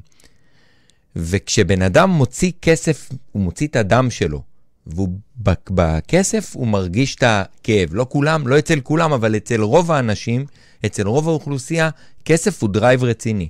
כסף הוא מנוע רציני. כשאתה מתחייב, אין לך ברירה, אתה חייב לפתור את זה. אתה חייב לצאת מהבוץ שנכנסת אליו. וכשאתה צריך לצאת מהבוץ, אתה יוצא ממנו. אז זה עוגן חזק מאוד. בדיוק אה, גם אה, דיברתי על זה השבוע, אז איזה אחד שולח לי הודעה, התנופה שלי זה שאם אני לא ירד 4 קילו, אז אני צריך לעשות מסאז' לאשתי כל יום. אז אני הולך לרדת את ה-4 קילו. אז כאילו, כל אחד וה drive שלו, הוא לא רוצה לעשות מסאז' לאשתו כל יום. אה, אוקיי, הבנתי. אז צריך למצוא איזשהו drive. עוד פעם, מה זה היה מסה, רק תגיד? מסה זה בעצם אה, מצב רגשי סיפור בראש ואסטרטגיה, שזה חייב לבוא בסדר הזה, כי כל עוד המצב הרגשי שלי בראש הוא במקום הנכון, אה, ויש לי סיפור נכון לגבי למה הפעם זה כן יעבוד לי, אז בסופו של דבר גם האסטרטגיה שאני אבחר תעבוד. כי זה לא משנה האסטרטגיה, האסטרטגיה זה תמיד הדבר האחרון שמשת... שאנחנו בעצם צריכים לייצר שינוי. קודם כל זה מתחיל ב... בזה שאתה מאמין שאתה יכול לשנות משהו אצלך בחיים. ורוב בני אדם פשוט לא מאמינים בעצמם מספיק כדי שהם יוכלו לשנות את הגוף, לשנות את הקריירה שלהם, או וואטאבר שזה לא יהיה. אז uh, האמונה אמונה עצמית זה משהו שאנחנו צריכים לעבוד עליו על בסיס יומי. זה למה כשדיברנו על uh, לנצח את השדים, זה בעצם uh, לנצח את עצמך. לנצח את השדים במוח זה בעצם להמר על עצמך, להמר על עצמך, על היכולות שלך, על הפוטנציאל שלך כבן אדם, ולא לתת פשוט לחיים לקרות לך, אלא לוודא שכל עוד אתה חי ונושם, אז יש את הרעב הזה להמשיך להיות עוד. אני פשוט לא, לא נולדתי כאן בשביל uh, uh, לעשות check in ו check check-out. אני נולדתי כאן בשביל לתת משהו מעצמי, ובשביל להיות הכי טוב שאני יכול להיות. ואם בכל יום אני עושה את הדברים האלה, על מנת לייצר אדם שבסופו של החיים שלי אני אסתכל אחורה ואגיד, fuck, אני כן, אני גאה באדם הזה שהפכתי להיות. אז זה הדבר שמבחינתי שווה הכל. ו- ועכשיו אני באמת במומנטום רציני, כי במשך שנתיים הייתי סוג של uh, כזה רדום עם עצמי. ועכשיו סוף סוף המומנטום הזה חזר בי, הרעב, הדרייב הזה לרצות להיות הכי טוב שאני יכול להיות, ואני פשוט לא, לא חוזר אחורה. וזה סוג של משימה הופכת להיות, כי אתה כל כך רוצה כאילו, לא, לא רק בקטע של עניין כלכלי ולעשות הרבה כסף, אלא באמת להשפיע על כמה שיותר אנשים, לראות את, ה- את האמת הזה בעיניים, ש- שהעיניים של אנשים פתאום, הניצוצות האלה חוזרות להם. אז uh, זה מבחינתי הכל. אני, אני רוצה להגיד לך שכשאני רואה אותך, אני רגע, שמתי רק את הזה לנצח את השדים במוח, כדי שיראו את הזה עוד הפעם, ואני אשים רגע את, ה... את זה, שנייה, אוקיי. Uh, קודם כל, זה, זה בסדר שאנחנו עוד uh, נשארים פה? כן, בטח, ברור. אוקיי, סבבה, אז uh, רק כדי שאנחנו ניישר קו. Uh, אה, אני מאוד מאוד אה, אוהב את, ה, את המסר, המסר המאוד מאוד אה, חד הזה, ואני חושב שלקחתי גם את העניין הזה של אפרופו מסה וגמר, גמר אמרת, נכון? אז מעולה. עכשיו, תראה, אני זוכר בתור ילד, אימא שלי, כל החיים, הייתה עוברת מדיאטה לדיאטה לדיאטה לדיאטה. אני כל החיים יודע שאימא שלי בדיאטה. גם אצלי זה ככה. אצל, כאילו, אצל אימא שלי. זה מדהים, ואתה יודע מה, ואני רואה את כל האחים שלי, כולם בעודף משקל, כל האחים שלי. גם אני, אתה יודע, קצת, אבל כאילו, אני אומר, אני, בגלל זה אני בטירוף הזה, אני בחירוף נפש, לא רוצה, לא רוצה להיות במקום הזה. אז אני נלחם בעצמי, אני כל פעם נלחם, לא מוכן. אבל, אה, אבל אה, אני חושב שבעיית משקל, זה, תראה, אנחנו חיים בעולמות, עולמות עם כוח שיווקי מאוד מאוד חזק. זאת אומרת, היום אתה הולך ברחובות, אתה חוטף 60 אלף מסרים לאורך הדרך. אתה פותח את הטלפון, אתה רואה פרסומות. אתה נכנס לטלוויזיה, אנשים שרואים טלוויזיה, האח הגדול, הפח הגדול, השמח הגדול, כל מיני שטויות כאלה, יושבים, רואים טלוויזיה, פרסומות של קוקה קולה, פרסומות של טעם החיים, והכל משודר בצורה שהוא מאלץ אותך, אם אתה הבן אדם הכי חזק בעולם, אם יש לך עכשיו אה, שוקולד במקרר לילדים שלך, אתה תלך ותאכל את השוקולד, זה גם אם אתה עכשיו תהיה, אוקיי, אה, לא יודע מה. אבל, אה, אה, כשאני עוד שנייה נותן לך לענות על השאלה הזאת, זה נתתי פה נאום, אבל, אה, אבל אה, אתה יודע מה מדהים? שראיתי למשל את מקרוגר לנצח, אני לא יודע אם ראית את זה בנטפליקס. כן, מעניין, גם ארנולד יפה. מדהים, כן, ארנולד גם, זה פשוט מדהים. אתה, אתה רואה שאנשים נחושים למטרות שלהם, כל כך רוצים את זה, הם כל כך עם משמעת עצמית, שאתה רואה אותו שהוא יורד במשקל שלפני קרב, הוא צריך לרדת למשקל של 70 קילוגרם, והוא פתאום ב, ביושב בתוך סאונה, ו, ובתוך ב, אה, בריכה כזאת שגורמת לו להזיע ולאבד את המשקל, ואתה רואה איזה משמעת עצמית, איזה דיוק בתזונה. זה פשוט מדהים. אז איפה אנשים נופלים בדיאטות? זה בעניין של חוסר משמעת עצמית או, או, או השפעות מאוד מאוד חזקות עליהם? איפה, איפה זה יותר חזק? מה יותר חזק? מה, מה, מה הגורם המרכזי לדעתך? כמישהו שחי את זה, אתה בטח פגשת כבר אלפים שניסו לרדת במשקל. אני מאמין שזה פוגש אותם בהיבט גם uh, הפסיכולוגי, שאתה יודע, לפעמים קורים לך כל כך הרבה דברים בחיים, וכשיש לך כל כך הרבה לחצים ודברים על הראש, בין אם אתה נשוי ויש לך ילדים, או יש לך התחייבויות כספיות, אז כל הלחצים האלה גורמים לנו, אנחנו לא, רוב האנשים פשוט לא יודעים לתקשר עם עצמם כל כך טוב, אז מה שהם עושים, הם הולכים לאוכל, כי אוכל זה בעצם מפלט. אז כשאני אוכל, אני מרגיש uh, הרגשה טובה באותו הרגע. אני מרגיש טוב כי זה מנחם אותי, אני מרגיש, פתאום ההרגשת שובע הזה גורמת לי לעשות את ה... אה, אוקיי, עכשיו אני רגוע. וגם לי זה היה בתקופות מסוימות. כשחייתי בארצות הברית ולא ממש ידעתי איך אני הולך להתנהל, פתאום מצאתי את עצמי אוכל הרבה ג'אנק פוד, וזה דברים שלא הייתי עושה בעבר.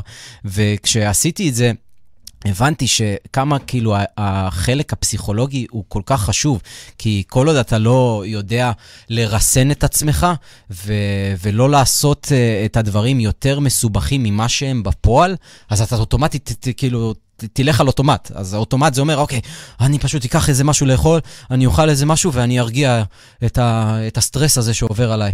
אז, אה, ו, וזה גם uh, בקטע של מה שקורה מסביב. העולם רוצה שתהיה שמן. כי הפרסומות שמראים לך את המגנום ואת כל השוקולד הזה, מראים איזה דוגמנית שנותנת איזה ביס בגלידה, ואתה רואה את כל השוקולד והמרקם, ואפשר לראות את זה גם בסופרים, כשאתה בא. לסיים את הקניות שלך, מה תמיד יש בסוף, איפה שהקופאית? שוקולדים ואת כל הדברים ה... לא, בחיים אתה לא תראה אה, ירקות אה, וכאילו דברים שהם בריאים. לא ישימו לך מלפפונים כן, את החבילה. ועובדה שגם כל הדברים הבריאים יותר, הם תמיד יקרים יותר, אז כאילו, אתה רוצה לחיות בחיסכון? תאכל ג'אנק פוד. ג'אנק פוד זה זול. אז אה, זה מה שקורה. אז העולם ממש רוצה לנסות לעשות אותנו כמה שיותר שמנים. אז מה שחשוב זה... זה נקרא stay guard of the door of your mind. Yeah. אז כאילו, תשים לב uh, למה אתה מכניס לראש שלך, כי כל דבר שב-24 שעות האלה, שכשאני קם, מהרגע שאני קם עד שאני הולך לישון, נכנס דברים לראש שלי, בין אם זה דרך הטיקטוק, אינסטגרם, דברים שאני רואה בטלוויזיה. אז אם אתה שם לב ומודע למה אתה מכניס למוח שלך, אז זה, זה באמת יכול לעשות טוב או לא טוב. כי אם אתה מכניס רק ג'אנק uh, פוד לראש שלך, ואתה רואה כל האינסטגרם, הפיד שלך זה רק אוכל ומאכלים, אז מה יקרה? אתה תתחיל להיות רעב, כי אתה רק רואה fucking אוכל כל הזמן. אבל אם אתה רואה דברים שקשורים לכושר, התפתחות אישית, mindset נכון, אז המוח שלך מקבל את זה, ואז הוא בעצם מתחיל, אה, אתה יודע, להשתנות. אז זה מאוד מאוד חשוב לשים לב מה, מה אנחנו משתמשים ביוטיוב שלנו, באינסטגרם, טיק טוק, ואם אנחנו רואים טלוויזיה, מה אנחנו בעצם רואים? אדם שרואה חדשות רוב היום, סביר להניח שהוא לא יהיה בן אדם אופטימי מאוד, כי 90% מחדשות רק מספרים לך על צרות וככה וככה קרה. אגב, ברדיו, אנשים שהם כל היום בדרכים, כל שעה עגולה יש חדשות. 12, השעה 12, אה, מחדשות, אה, אתמול היה תאונת דרכים, אתמול היה ככה וזה. עכשיו, אני לא אומר תישאר אדיש למצב, אבל כמה אפשר גם רק להכיל את הראש שלך בדברים שהם שליליים. אז אה, תנצלו את הזמן הזה אם אתם בדרכים. תשמעו איזה פודקאסט, כמו הפודקאסט של ליאור, או פודקאסטים אחרים. ובאמת, כאילו, תעשירו את המוח שלכם, תכניסו דברים שהם בריאים, בשביל באמת כמה שיותר לייצר סביבה שהיא חיובית בין האוזניים שלכם. כי ברגע שלא, מה שקורה, אז uh, uh, אתם פשוט תשימו לב שעל אוטומט המוח שלכם פשוט ילך למקומות שהם לא טובים ולא מחזקים אתכם. תשמע, אתה יודע, אני, אני רציתי רק להגיד משהו, הערה מאוד מאוד חשובה. אמרת משפט מאוד יפה של ג'ים רון, stay, uh, stay, guard, stay guard at the door of your mind, שזה, שזה פשוט, אנחנו בדיוק דיברנו על הקטע של, uh, אני חושב שהעולם, זה פשוט היום האינטרס, מי שיש לו אינטרס הוא בעל אינטרס, הוא דוחף בכוח בצורה מטורפת. עכשיו, אם אתה לוקח את כל ערוצי הטלוויזיה, הם שייכים לטייקונים בסוף. בסוף, כל האנשים שעובדים שם, הם עובדים אצל הטייקונים. ומה שקורה, במודע או לא במודע, כולם מקדמים אג'נדות מסוימות. זאת אומרת, כל הערוץ טלוויזיה, כל ערוץ תוכן, מייצר, מקדם איזושהי אג'נדה מסוימת. בגלל זה נגיד רדיו כמו רדיו חברתי או רדיו אחר, זה רדיו יותר טהור, כי הוא לא מקדם אג'נדה. Mm-hmm. הוא מקדם אג'נדה חברתית, שכל אחד מביא את האג'נדה שלו מבלי מגבלות. אתה יכול לקלל פה, כמו שאמרתי לך, אתה יכול לעשות מה שאתה רוצה, כי זה בדיוק המקום של אה, רדיו שהוא אמיתי. כי רדיו אמיתי, הרי ממה התחיל הרדיו? הוא לא התחיל מזה שכאילו הכל זה היה, זה היה רדיו שאנשים עלו ושידרו פשוט לאנשים. ו- וזה, וזה הנקודה. דבר נוסף, רציתי להגיד משהו על אימא שלי, שהיא תשמע את השידור הזה, אז אימא שלי אישה מהממת, נראית טוב, היא, היא, היא, היא כאילו במש... אה, רגע, לא רואים אותי בכלל? לא נורא. אבל מה שרציתי להגיד, אימא שלי ממש אה, אישה יפהפייה.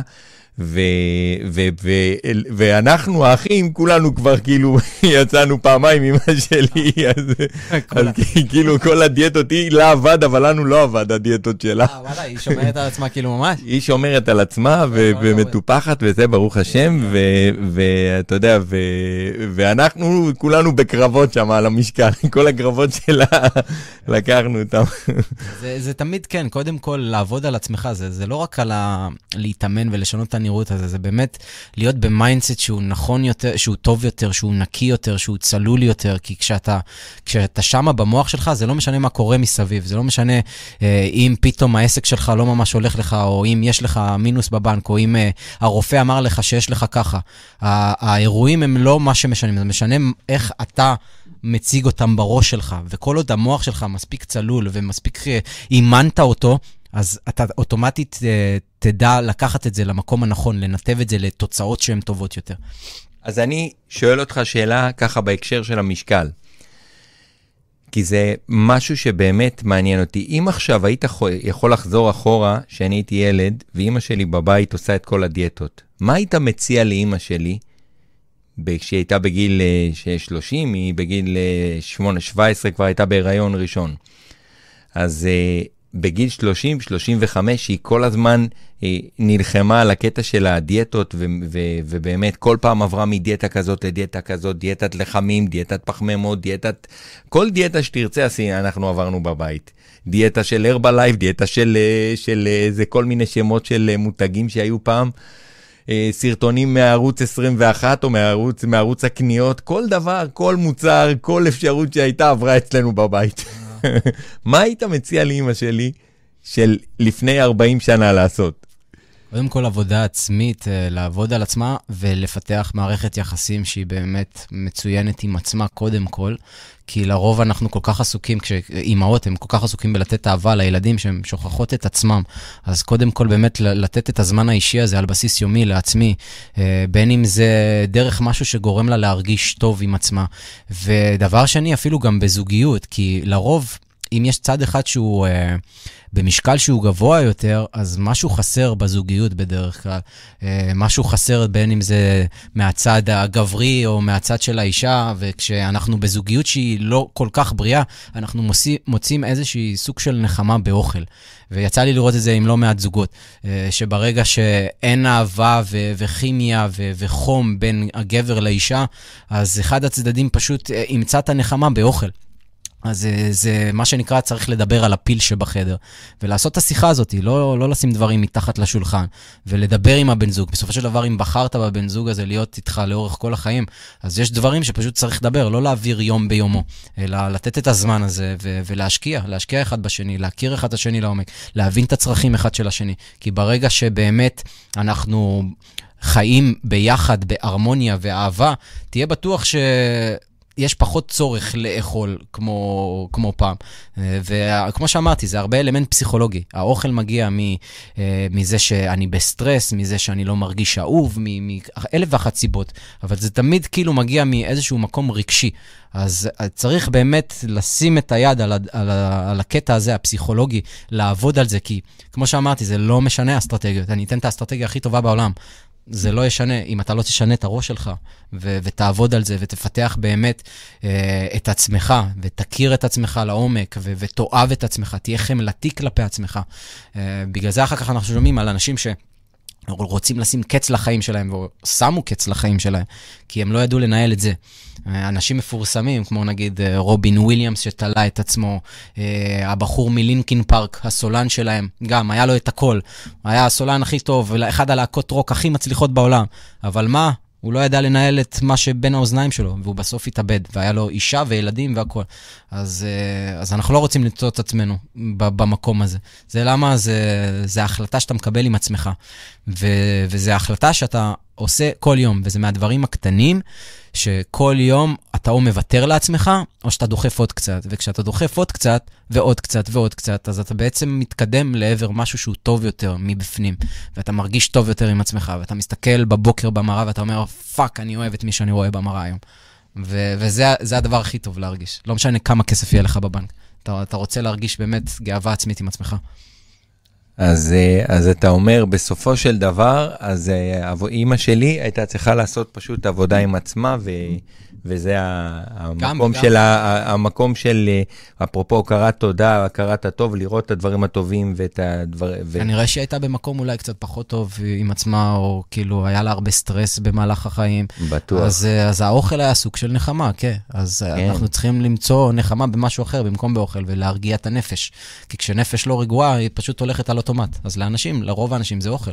תראה, אני, אני רואה את עצמי כאבא, אני רואה כמה שזה לא פשוט לטפל בילדים, לדאוג להם, לעשות להם זה, ואתה יודע, לא הייתה פעם אחת שבאתי ולא הייתה לי ארוחה חמה, ולא, זה, זה כאילו נראה פשוט, הטריוויאלי ארוחה חמה, אבל זה הכי לא טריוויאלי בעולם, וזה כל פעם שאני, אני, אני, אם אני, למשל, כשאני מכין משהו, אני רק, רק אומר, רק בלב שלי אני אומר, חושב על אימא שלי, אומר לה תודה על, ה, על הארוחה שהייתה מכינה לי, כמה מאמץ היא השקיעה בארוחה הזאת, כמה כוונה, כמה אנרגיה, כמה אהבה. אנחנו מעריכים את זה אחרי שאנחנו בנעליים האלה, אז כן, אז לגמרי. אז תגיד, בוא ככה ממש, אה, אנחנו עוד בעוד איזה 20 דקות אה, נסיים את השידור, רבע שעה. אנחנו היום ביום לימודים ארוך, אני אחלק אחרי זה את הפרק הזה לשלושה חלקים, נראה לי. זה... מה שבא, יש בארצות הברית עושים, אה, נגיד, טים פריס, שלוש שעות. כן, נכון, אני יודע, גם איך קוראים לו, נו. יש לך את לואיס האוס, טום ביליו, Impact Theory. כן, יש אנשים עושים ארבע, חמש שעות, שמעתי פודקאסטים, איך קוראים לו, שהיה ראש ממשלה הקודם. נו, בנט, בנט. אה, שמעתי פודקאסט איתו, שלוש ומשהו. שעות, ארבע שעות, חמש שעות, לא יודע כמה זה היה פודקאסט מטורף, וואו. חמש שעות איתו שיחה. בן אדם שאפשר, אני מאמין, ללמוד ממנו הרבה, אז כן, יש לו מה לדבר. כן, כן, תשמע, כל מי שעשה דרך, ודיברת על הקטע של אה, אה, אה, אנשים ששמים קץ לחיים שלהם, אני חושב שאנשים שחיים, דיברתי על זה הרבה פעמים, נגיד שספורטאים, הם חווים התרגשויות לא מוגברות. למשל, בן אדם שעובד בעבודה קבועה, כמות הריגושים שיש לו בחיים, כזאת קטנה. כבעל עסק, כמות הריגושים היא כזאת. למה? כי אתה כל הזמן, אתה פתאום בירידה, פתאום אתה בעלייה, פתאום אתה בתנודה, פתאום מגיע קורונה, פתאום מגיע מלחמה. אתה חווה את כל השינויים האלה, אתה צריך לעשות התאמות כל הזמן.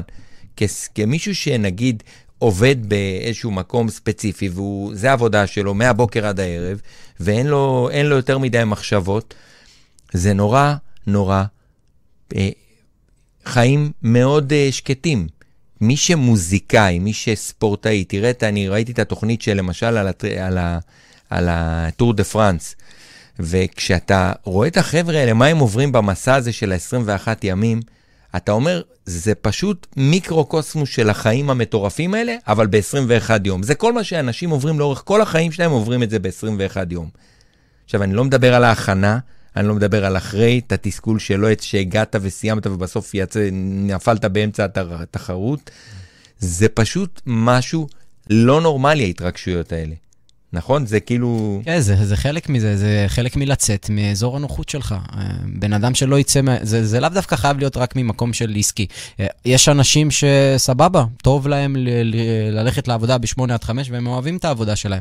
אבל אם אתה לא אוהב, זה משהו אחר. אם אתה אוהב וסבבה לך, אז אתה יכול למצוא ריגושים מדברים אחרים. נכון. ו- ולצאת מהנוחיות שלך דרך אה, אומנות לחימה, דרך ספורט, אה, דרך אה, כל מיני דברים שלא קשורים דווקא בפן העסקי. אה, אבל אם זה משהו שבוער בך, להיות עצמאי, ו- ובפנים אתה יודע שזה משהו שהוא שלך, שאתה צריך לקחת אותו, אז uh, אתה צריך באמת להתחיל, uh, אתה יודע, לבצע פעולות ש- שמקדמים את זה. כי בסוף מי שעוצר אותך ומי שידפוק את זה, זה רק אתה. רק אתה תדפוק את זה, או את. הכל זה אתה. בסוף, אם, אם אתה, אתה יודע, אני פעם שמעתי איזה, הייתי באיזה כנס בחו"ל, ואז היה שם איזה מישהו שאמר, אני, כשאני מצליח, זה כמו תפוחי אדמה חמים. אני ישר מעביר את ההצלחה למישהו אחר. וכשאני נכשל, תמיד אני לוקח את הכישלון. אני שורף את הידיים שלי כאילו.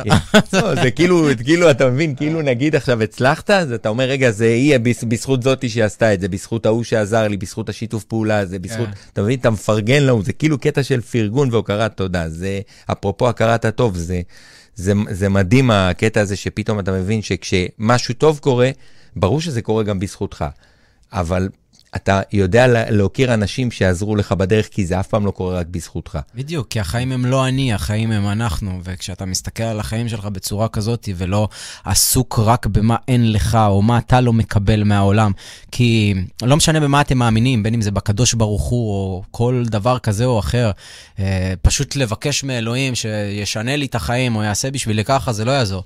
בשביל שאני מאמין בקדוש ברוך הוא, ובשביל שהקדוש ברוך הוא ייתן לי את הדברים שאני רוצה, אני מאוד מאמין שאני צריך להרוויח את זה. אני צריך להרוויח את זה במעשים היומיומיים שלי. ואם כל יום אני עושה עוד ועוד דברים ודוחף את עצמי מעבר למה שאני רגיל, אז הוא מסתכל למעלה והוא אומר, וואלה, מגיע לו שאני אתן לו את הדברים האלה. כי הוא לא, לא דורש את זה בצורה שהיא כאילו מתחננת. הוא, פשוט עושה דברים על בסיס יומי, וכל יום שהוא עושה, אז אה, זה רק מגביר בי את הרצון לתת לו את הדברים שהוא רוצה לחיים שלו. ו- ו- וזה הכל, כש- כשאתה מסתכל על החיים שלך ככה, ולא רק תיתן לי, תיתן לי, אני קורבן, אני מסכן, עבר עליי ככה וככה. אתה רוצה לפתח אה, אלרגיה ל- לקורבנות. אז אה, עם הזמן זה כאילו משהו שאני פיתחתי עליו אלרגיה, כי אני, אני יודע מה זה להיות ב mindset קורבני, ואני לא מוכן לחזור לשם, לא רוצה לחזור לשם.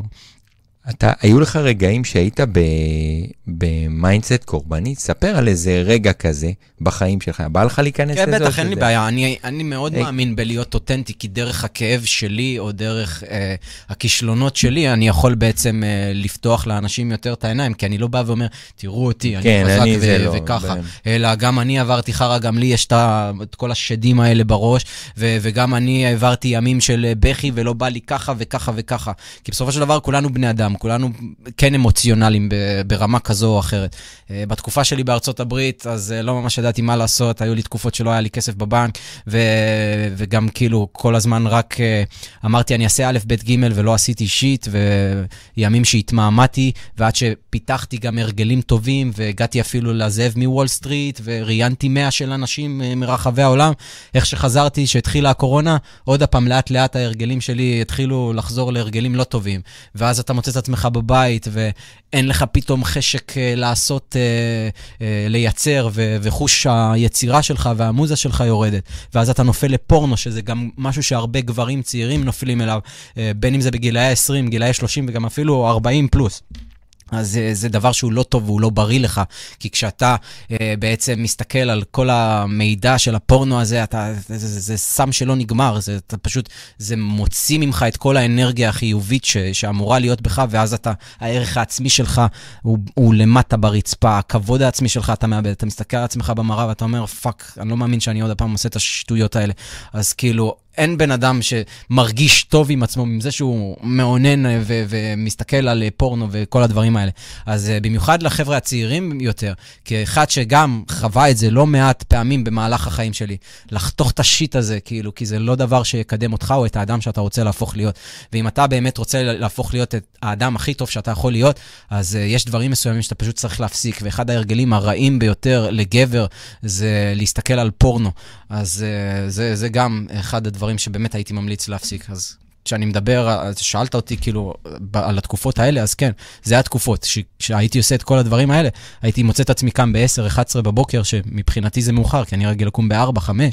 אה, ואז פשוט, חוץ מלהתאמן, שזה פשוט הרגל קבוע שלי, לא הייתי עושה יותר מדי במהלך היום. יום שמבוזבז וואו. ומבוזבז, אתה הולך לישון, אתה אומר, לפעמים גם המחשבות של למה לי לקום אפילו מחר, כי מחר יהיה אותו דבר, ולא בא לי, לא בא לי על זה, כאילו, אני, אני לא מקדם את מי שאני מאמין שאני יכול להיות. אז ההרגשה חרא. אז uh, אין, אין הרגשה טובה יותר כשאתה יוצא מזה ואתה חזק מספיק שאתה יודע, אני לא אעשה את זה יותר ואני לא אעשה כן. את זה יותר. תשמע, הייתה לי עכשיו איזו תקופה כזאת של קורבנות. אתה יודע, כאילו איזה תקופה כזה שאני פתאום נכנסתי לדכדוך, אתה יודע, למשבר. ואני חושב שאחד הדברים שאני מנסה ללמוד מהם לגביי, זה איך אני ממזער את, הכמו, את הכמויות של הפעמים האלה. פעם קראתי ספר של ספנסר ג'ונסון, דוקטור ספנסר ג'ונסון, פסגות ועמקים, שכאילו כל פעם שאתה בפסגה, אתה צריך לדאוג לצמצם את העמק שיגיע אחר כך. וכל פעם שאתה בעמק, זה קצת חשיבה שונה מהחשיבה של היהדות, כי אתה כל הזמן חושב קדימה מה יהיה. Mm-hmm. אז כאילו הוא מדבר על זה שאתה בונה את עצמך בשביל לצמצם את, ה, את הזמן של העמק. ואתה כל פעם שאתה בפיק, בשיא, בפסגה שלך, אתה רוצה שהפסגה תהיה ארוכה כמה שיותר, והעמק יהיה כמה שיותר קטן. כי העמק יגיע, הוא מגיע לכולנו בחיים. אבל השאלה, איך אנחנו באמת ממזערים את הזמן של הקורבנות והופכים את הקורבנות הזאת למנוע, מה שנקרא צעד אחד אחורה בשביל לתת ספרינט. זה קטע שאתה אומר את זה, כי זה בדיוק סוג של אנלוגיה קצת שונה ממה שאתה אומר, שאני בדרך כלל משתמש, אני משתמש בגרף. אז אם לצורך העניין הגרף שלי מתחיל פה, אז אני בדרך ל... אה, רגע, אני צריך לעשות, זה מבלבל אותי. אז אני צריך לעשות, אוקיי, ככה, סבבה. אז uh, אם אני מתחיל כאן ואני מתחיל לעלות למעלה בסולם ההצלחה שלי, אז אני נתקע ויש לי איזה התקף קורבנות, נקרא לזה. אז אני נופל טיפה, נכון? אז אם אני ידע לתפוס את עצמי בזמן, אז אני אמשיך לעלות. אוקיי? Okay? ואז עוד פעם יש לי התקף קורבנות, ואז אני נופל טיפה. אז רוב האנשים, ברגע שהם מתחילים, אז יש להם את ההתקף הזה, הם פשוט מפילים את עצמם למטה יותר. אז בשביל uh, למזער את זה ולתפוס את עצמך מהר, זה להבין קודם כל מראש שאתה הולך ליפול, שהולכות להגיע המחשבות האלה. זה לא משהו ש... כי לפעמים יש איזושהי חשיבה של, זהו, אני חזק, שום דבר לא יכול לעצור אותי, נראה עכשיו את הקול הפנימי הזה בא. אוקיי? ואז כשאתה ב mindset של זהו, זה פשוט לא יגיע, והוא מגיע אליך, אתה אומר, shit, הנה, זה עוד פעם הגיע. והוא, והוא כאילו שולט עליי. אז מראש אני יודע שהוא הולך להגיע. נגיד, אתמול הוא הגיע לי, הייתי קצת מדוכדך ו- ובבאסה שלא ממש... אה, הייתה לי ציפייה מסוימת ללייב, ולא מספיק אנשים הגיעו, ו- ולא הייתה כזה היענות. אז uh, מצאתי את עצמי כאילו קצת מדוכדך, ואז הלכתי כזה קצת ברחוב, נשמתי עם עצמי, ואמרתי, רגע, רגע, רגע, רגע, יש פה קטע. אז כאילו, יש פה שוב פה את הצד הקורבני הזה, אני מתחיל לדבר לעצמי לא טוב, הנה, לא מגיע לך ככה, זה, זה, זה, זה. אמרתי, לא, לא, לא, לא לשכוח. שזה, הצד הזה הוא חלק ממני, אני יודע, אני מקבל אותו, זה לא משהו שייעלם, אבל לא לשכוח רגע מי אתה, מי אתה במהות שלך. אז התזכורות היומיומיות האלה, לי אישית זה מגיע בחדר כושר, שאני באדרנלין, אז אני מזכיר לעצמי את ה fucking winner שאני, ואני יודע שלא משנה מה יקרה, אני לא אעצור הפעם. ו- וככל שאתה יודע לעצור את זה בזמן עם הוכחות, פעולות יומיומיות. אם אתה תפעל מספיק פעמים לצד שאתה יודע שקיים בך, תהיה בטוח שאתה תשתיק את הקול הזה בפנים. כי אם הקול הזה עדיין חזק יותר מהקול החזק שלך, שאמור להיות חזק, זה סימן שאתה לא, לא עושה מספיק. אתה לא עושה מספיק בשביל מה שאתה יודע שאתה מסוגל. כי כל בן אדם יודע מה הוא מסוגל, כאילו, בשביל עצמו. אני יודע מה אני מסוגל מבחינת לתת ערך, לייצר דברים. וכשאני די כאילו בציפייה העצמית שלי, שם הקול החזק שלי תמיד יהיה יותר חזק מהקול החלש הזה. אבל אם החז... הקול החלש הוא תמיד שולט לי על הקול החזק, זה סימן שאני לא עושה פעולות שהן מספיק חזקות. אז כל מה שזה צריך להשתנות זה עניין הפעולות. אני צריך לפעול יותר, לעשות יותר, כדי לגרום לעצמי, אוקיי, בוא נראה עכשיו את הקול הזה. בוא אליי. בוא אליי ו- ונראה עד כמה אתה חזק. כי אז אני אדע להשתיק אותו, באותו רגע. מדהים, מדהים, מדהים. אני אוהב את המסרים שלך ממש ממש, ואני חושב שאחד הדברים שאנחנו צריכים לזכור, שכל פעם שאנחנו נכנסים לקורבנות, אנחנו חייבים לעבור ממצב קורבן לאטרקטיבי. כי כשאנחנו קורבנים, החיים מייצרים לנו סיטואציות של קורבנות. לא יעזור כלום. אנחנו צריכים לשנות את הסיפור במוח שלנו ולהפוך את זה ליתרון. אם עכשיו הדברים לא עובדים לך, תגיד, זאת ההזדמנות שלי עכשיו לצאת קדימה, לפרוץ את הדרך. זה עכשיו הנפילה שהולכת להוביל אותי קדימה לפריצה. כל הזמן שאין לי את הדרייב, ודבר שני, שהוא חשוב לא פחות, זה הרגלים טובים. יש לך הרגלים טובים, הרגלים טובים לא מוותרים עליהם. יש לך מכון כושר, יש לך ריצה, הליכה, אני עושה הליכות כל יום ממש, אני מנסה לשמור על עצמי, כי השקט הזה בטבע, בהליכה, במקום שאני, ב-15, 10,000, 20,000 צעדים שאני עושה ביום, אני יודע שאני, אני, פתאום יש לי את הזמן עם עצמי, אני מתחבר לזה. ודבר אחרון שאמרת, דיברת על השידור אתמול. פעם עשיתי וובינר, תקשיב, פרסמתי, לא משנה. בסוף הגיעו לי, הגיע לי אחד. עכשיו ראיתי את האיש שהייתה שם, ומסתבר שבשלב מסוים היא שמה את הטלפון בכלל בצד, ואני מדבר לעצמי. יש לנו יותר מדי ציפיות כזה. והכי מצחיק, עשיתי וובינר, כי אף אחד לא רואה כמה אנשים יש בשידור. ועליתי, היה בן אדם אחד בשידור, נשארה, הייתי בטוח שהיא נשארה שעתיים וחצי, ואני נשאר, אני אומר, כל עוד הלקוח נשאר, אני נשאר שם עד הסוף. שעתיים וחצי נשארתי בשידור, בסוף היא אומרת לי, לא, אני בשלב מסוים שמתי את הטלפון בצד, לא רציתי לצאת, שלא תראה אותי. אני מאמין שאיך שאתה עושה דבר אחד, זה איך שאתה עושה הכל. אז כאילו, גם כשהתוצאות בשטח לא ממש נראות כמו שאתה רוצה, איך שתעשה דבר אחד, זה איך שתעשה הכל גם בהמשך. אז uh, אם אני מההתחלה מראש, גם אם זה 5-10 אנשים, ול-5-10 אני אתן את הלידור הכי טוב שיש, תהיה בטוח שכשיהיה 10,000 ו-20 ו-30 אלף אנשים, אז אני אתן גם להם את הכי טוב שיש. אז זה, זה לא ממש, המספרים זה פחות משנה. מה שאני רוצה להתרכז בו, זה לפתח משמעת עם עצמי ולפתח את לידור, כדי שההרגלים שלי יהיו מספיק חזקים, היצירה שלי. כי לאורך הדרך, בין אם התוצאה תהיה כמו שאני רוצה או לא רוצה, אם אני בזמן הזה פיתחתי משמעת עוד יותר חזקה, אני עשיתי את שלי. כי עם הזמן זה יקרה. אז זה לא יקרה בדיוק בזמן שאני רוצה, אבל זה יקרה. אדיר, אתה או הזכרת לי עוד סיפור מעניין, שעל אפרופו הרגלים טובים, ולזכור באמת מלהיות אה, חזק גם ברגעים החלשים. הגיע לפה אומן של ספין דוקטורס. יום אחד אני הולך ל-2013, 2000 ו... הלכתי לברבי, אני מגיע, אני רואה את הברבי ריק, אין אנשים, בא אומן מחו"ל, היה עכשיו, הופיע ביום הסטודנט, עשרות אלפי אנשים. אני מגיע לברבי, אני רואה אין מקום, מקום, אין אנשים, הכל ריק. מגיע לזה, ההוא מהספין דוקטור שם, נכנס, בא לעלות אה, לבמה, אתה יודע, ארבעה אנשים, כולל הברמנית וה, והמלצר, ו, ואז הוא אומר, אני רוצה להגיד לכם תודה לכל מי שהגיע לכאן. אני רוצה להכיר כל אחד מכם באופן אישי. נתן את כל ההופעה שלו, שעה ומשהו הופעה, כולל ההדרן בסוף. ותקשיב, והוא, והוא נשאר שם, הוא ישב שם, אני זוכר על הבמה, ישב עם הרגליים למטה כזה על הבמה, ולחץ לכל אחד מהאנשים יד, ונתן לכל אחד גם את הדיסק שלו עם, עם הקדשה אישית. אתה רואה? ככה צריך. איז, איזה מדהים, זה היה שיעור בשבילי להבין כמה צניעות וענווה, ו- וכמה האגו שהוא לא מנהל אותך, מוציא אותך גדול בסוף ל- לאורך זמן. ו- והאגו דופק לנו את כל החיים הרבה פעמים. יש ספר על זה של ריין הולידיי, אם אתה מכיר, נקרא Ego is the enemy. Uh, הוא מאוד מאמין בפילוסופיה הסטואית. אתה יצא לך לשמוע קצת על כל העניין של פילוסופיה סטואית? אז כאילו, uh, הרומאים של פעם היו פילוסופים יוונים או רומאים, אז uh, היה בחור בשם מרקוס אורליוס, ומרקוס בעצם uh, היה הוגה דעות ועבר uh, לא מעט דברים בחיים שלו. ביניהם, הוא היה בן אדם מאוד עשיר והיה לו ספינה ענקית, ויום אחד uh, הוא היה עם הספינה עם כל הכסף שלו, ובא גל גדול ולקח לו את כל הספינה, את כל העושר. אז הוא יכל לבחור להגיד, למה אלוהים, למה לקחת לי את כל זה? אבל uh, הוא בחר באמת לנתב את, uh, את המוח שלו למה שקיים, ו- ולא להסתכל על מה אין לי. וכל הפילוסופיה הזה זה בעצם להסתכל על הדברים הטובים ו- ולהבין שכל מה שיש לנו זה הרגע הקיים, לא להסתכל יותר מדי על מה היה או מה יהיה, אלא על העכשיו, uh, לא יותר מדי... Uh, הטאץ' שזה כאילו, איך אומרים? ב... כאילו להיות, להיות, להיות נגיש, דבוק, להיות כן. להיות מחובר לזה. לא להיות מחובר מדי ל- לדברים, ולהבין שכל דבר משתנה בחיים.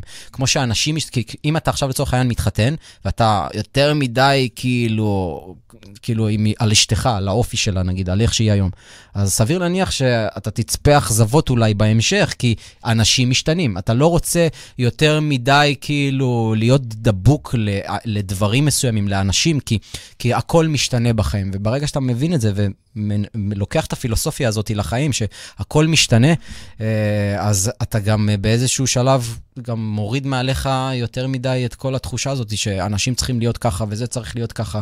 אז כל, הדבר היחיד שיש לי שליטה עליו זה אני, עצמי, על, על, על מה שעובר לי בראש. אין לי שליטה על אנשים, אין לי שליטה על מזג האוויר, על שום דבר שהוא חיצוני ממני. הדבר היחיד שיש לי שליטה זה על המחשבות האישיות שלי. אתה הזכרת לי עכשיו סיפור אה, של אה, ג'ים רון, שהוא פוגש את ארל שף, המנטור שלו, ואז הוא אומר לו, תשמע, אני בגלל המזג האוויר, בגלל הזה, בגלל הזה, מתחיל לתת לו רשימה של כל התירוצים, למה הוא לא מצליח. ואז הוא אומר לו, אני לא רואה אותך ברשימה. הוא אומר לו, אז הוא אומר לו, מאותו זמן קראתי את הדף ורשמתי רק היי. כאילו, זה רק אני, כאילו, זה אחרי. אז אה, אה, אהבתי. אה, תגיד, בא לך לשתף קצת מה, מה, מה הקעקועים? כי קעקוע זה, יש פה משהו עמוק, מעניין לדעת מה... יש לי לא מעט. אם בא לך לשתף על איזה משהו שאתה... יש לך פה משהו פה, שכתוב. זה, זה מה- בעברית, זה כאן. בצורה מעגלית. מה- מה כתוב? פה רשום בלנס, שזה דבר הכי הפוך מלהיות עצמאי, נכון? כאילו אין בלנס כל כך. לא, יש, אתה יודע, יש עצמאי, יש, אה, אני מלווה לקוחות שהם בבלנס, כאילו אין להם, זה כמו בן אדם שכיר, יש לו כבר עסק שעובד יציב, יש צוות שעובד, הוא, לו, הוא לא מוטרד מלהגדיל, להקטין, אנחנו כל הזמן שואפים להגדיל, אבל זה לא, לא הטרדה שלו, זאת אומרת, יש בלנס. כאילו לא- למצוא לא איזשהו כולם, בלנס זה קשה בחיים להגיע. בין אה, כן. זוגיות, בין, אה, אתה יודע, קריירה, בין כל הדברים. לא רואים אותך בכלל, תראה עוד הפעם את הקעקוע שזה, סליחה, זה היה עליי. אז- אז כאן, זה כאילו על הצוואר, בלנס. נכון. אה, על הידיים פה יש לי, אה, זה בצורה מעגלית, אז אה, בצד ימין שלי רשום אה, אהיה אשר אהיה. זאת אומרת, כאילו, כל, כאילו, אני זה מי שאני. אז uh, באנגלית זה כאילו, I am who I am. אז כאילו, דע את עצמך ותאהב את עצמך, ואל תחפש להיות מישהו ש- שאתה לא, אל תנסה להיות איזה copy-paste של מישהו אחר, אלא תהיה אתה עצמך. והרבה שנים כאילו ניסיתי לקחת השראה, נגיד טוני רובינס, והייתי מדבר יותר מדי גם כמו טוני רובינס, אז אני לוקח נגיד דברים מטוני, אבל... עדיין אני צריך לא לשכוח מי אני, מי זה לידור דיין, ולהביא אותי, לא להביא רק את הדברים שנכנסים לי רק באוזניים, אתה מבין? דרך אני עוצר אותך פה במשפט הזה, וכאחד שדווקא אני, אני שומע אותך אה, לא מעט בכל מיני הדרכות שאתה העברת, גם לגבי ספורט, וגם לאחרונה קצת שמעתי קצת יותר ב... זה, אתה ממש לא מחכה את טוני רובינס, אתה אתה, וזה הכי כיף אה, כן. לראות כאילו בן אדם שעשה עבודה, רואים שעשית עבודה, ברור שאתה גם מצטט את טוני רובינס, ואתה כמו שאני מצטט את ג'ים רון, אני לא ג'ים רון, אתה מבין? אבל אתה עושה עבודה מדהימה ושאפו על זה. ואתה צעיר, אתה בחור צעיר, בן כמה אתה? 32. ילד, אתה מבין? כאילו 32 זה אמיתי, זה ילד. אתה שואל, אבל היא- כן, כאילו, הגיל זה רק מספר, לדעתי. אתה לא רק משתבח עם השנים, כמו יין. יש לי גם חבר'ה היום אה, שאומרים לי, אני גדלתי עליך, אז הם היום בני 20, כאילו, כי היוטיוב שלי עוד היה לפני 6-7 שנים, אה, אז לראות אותם היום בני 20 עם mindset שהוא חזק יותר, אז אה, זה כיף. נגיד, בחור שלא מזמן התגייס לצנחנים ועבר את כל המסעות שם, אז כיף לראות את זה, שהוא לקח נגיד דברים ממני, והוא אומר, הנה, בגלל זה, אתה רואה, לידור, אני עובד הכי קשה, אני עושה ככה, אני זה, אז, אז זה כיף לי לראות את הדברים האלה. איזה אז- כיף. אז אה, איזה זה גם שליח. גורם לי לדרוש מעצמי יותר, כי, כי אז כל פעם שהצד הקורבני הזה יכול להגיע, אני אומר, רגע, איך תופסים ממך לידור? אנשים תופסים ממך ו- ורואים בך איזושהי השראה, אז. אין לך את הפריבילגיה כן, לוותר. כן, אין לך כן, אותה. אתה צריך לדרוש מעצמך יותר. זהו. והצד השני פה, זה רשום לי בלתי שביר. אה, שזה האדם שבעצם אני באמת אה, רוצה להפוך להיות אה, אדם שהוא בלתי שביר, שלא משנה מה החיים יזרקו אליי, אני אדע להתמודד איתם בצורה הכי טובה שאפשר. מה כתוב לך פה? סליחה על ה... זה כאן? יש לך, כן. אני, סליחה שאני ככה מחטט לך ב... כאן זה בלסט. זה, אה, זה אוקיי. מבורך, נכון. אז אה, לא לשכוח, כאילו. אה, בצד השני יש לי אינטגריטי, שזה גם אחד העקרונות החשובים לי בחיים, שזה להיות אדם ישר, אה, לדגול באני מאמין שלי, לא לחרטט אנשים רק בשביל שיבואו יקנו מוצרים שלי או כאלה ואחרים, אלא לתת את האמת שלי, כולל הדברים שהם, שמדברים עליהם בחדרי חדרים, או שאתה יודע, פתאום עושים off לרקורדינג. אז אני רוצה להגיד את כל הדברים, כמו שאני אגיד לך, אחרי שהווידאו הזה ייגמר, אז על אותם דברים היינו מדברים, גם אם זה לא היה עכשיו על recording. כן, אתה, אתה יודע, כשהתחלנו את השיחה, אמרת לי, ליאור, ת, כשנדבר על זה בשיחה, אני, אני באמת, אתה יודע, אני אומר, אנחנו יכולים לשבת פה יומיים, אם מתישהו לא ייכנס לפה מישהו ויעצור אותנו, ולשמוע עוד מלא. אז אני ממש ככה, בגלל שאני הבטחתי את התשובות האלה לאנשים, אז אני רוצה עוד שתיים, שלוש שאלות מה. מההקשר הזה, כדי ש, שיהיה רלוונטי, כי באמת יש לך המון המון ידע בעולם הזה של, של תזונה, של משקל, של אה, אה, זה. אה, אה, אחד הדברים זה, האם צום הוא פתרון לירידה ממשקל? צומות, כאילו יש את ה-16, 8, 18, 6, 24. בסופו של דבר זה עניין של גירעון קלורי. היום אה, כל מאמן כושר שעושה לעצמו פרסום ממומן בפייסבוק רק אומר גירעון קלורי, גירעון קלורי. אז כאילו, זה כבר יצא מהתחת. אבל, אבל אה, בסופו של דבר זה לא משנה אם אתה תשתמש באסטרטגיה שהיא צום לסירוגין ותוכל בטווח שעות של נגיד 8 שעות ו-16 שעות צצום. אם בשמונה שעות האלה אתה, הטווח הקלורי שלך הוא פחות צריכה ממה שאתה צריך בשביל לרדת, ואתה עושה את זה מינימום שבוע, אז אתה תתחיל לרדת. כי גירעון הוא בעצם להיות בגירעון של פחות מ-500 קלוריות ביום ממה שאתה צריך בשביל לשמר את הקיים. זאת אומרת, אני צריך גירעון של 3,500 קלוריות על, אה, שבועי, כי זה 500 כל יום, 500 כפול 7 זה 3,500. אז כשאתה עושה את זה, אתה מתחיל לרדת בין חצי קילו לקילו בשבוע. כן, זה 7,000 קלוריות זה קילו בערך, כן, משהו כזה. כן, אבל אם בן אדם אה, שומר על גירעון בצום לסירוגין, עושה את זה ראשון עד רביעי, ואז חמישי, שישי, שבת הוא אוכל הרבה, והוא פחות או יותר מכניס מה שהוא מוציא, בגלל זה הוא גם לא ירד. אז אה, מעקב זה דבר שהוא חשוב. אה, רוב האנשים פשוט לא ממש עוקבים. אם אני אשאל את רוב האנשים, אתה יודע כמה קלוריות בערך אתה אוכל, או כמה חלבון? אה, לא, אני, אוכל, אני לא אוכל הרבה, אבל אני לא אוכל הרבה. וזה גם מוכח מחקרית שעשו בדיקה, אנשים שחשבו שהם אוכלים 1,400 קלוריות, בעצם אכלו 2,200 או 2,400, שזה... תמיד יותר, זה תמיד, כן, זה, זה כמו כי- שאנשים, תשאל אותם כמה כסף אתה מבזבז בחודש, תמיד זה יותר. אותו דבר, אז אני מסתכל על זה ככה. תחשוב שיש לך, לצורך העניין, אה, 1,500 שקל, ועם ה-1,500 שקל האלה, אתה יכול לבחור ללכת למסעדת יוקרה, חמישה כוכבים, ולאכול איזה ארוחת גורמה פלצנית, ובקושי זה ישביע אותך לשעתיים, נכון? ומהצד השני, אתה יכול להשתמש ב-1,500 שקל ולקנות uh, מספיק אוכל לכל השבוע ברמי לוי. אז זה עניין של בחירות אוכל. אם אני בוחר אוכל שלצורך העניין הוא כמו בן אנד ג'ריס, קופסה אחת של בן אנד ג'ריס של חצי קילו, זה 1,500 קלוריות, שזה יום שלם של בן אדם. אז תחשוב, כאילו, מה אתה יכול להכניס ב-1,500? ירקות הם דלים בקלוריות. אורז, אה, תפוחי אדמה, כל הדברים האלה, מבחינת כמותית, אם אני שוקל את זה, זה ישקול ארוחה כזאת יותר מקילו אפילו, ועדיין הערך הקלורי שלו יהיה, הוא פחות מאשר הבן אנד ג'ריס, אתה מבין? כן. אז אנחנו רוצים אוכל שמצד אחד הערך הקלורי שלו הוא לא גבוה מדי, אבל הוא גם ישביע אותנו לאורך זמן. אז אם אני אוכל סניקרים ושוקולדים ודברים כאלה, זה לא ישביע אותי, וזה גם מפוצץ בקלוריות. אז צ'יפס למשל, 350 קלוריות, הטאפו צ'יפס הקטן, או הבמבה נוגת, 350, 400, שזה בערך שליש ממה שבן אדם בדרך כלל צריך uh, לרדת במשקל, אם הוא נגיד עם אי, סליחה, על דיאטת 1200, אז לגבר אולי זה יותר. אז מה שאני דוגל בו זה שתי גישות בדרך כלל. גישה ראשונה זה uh, גישת ה-80-20.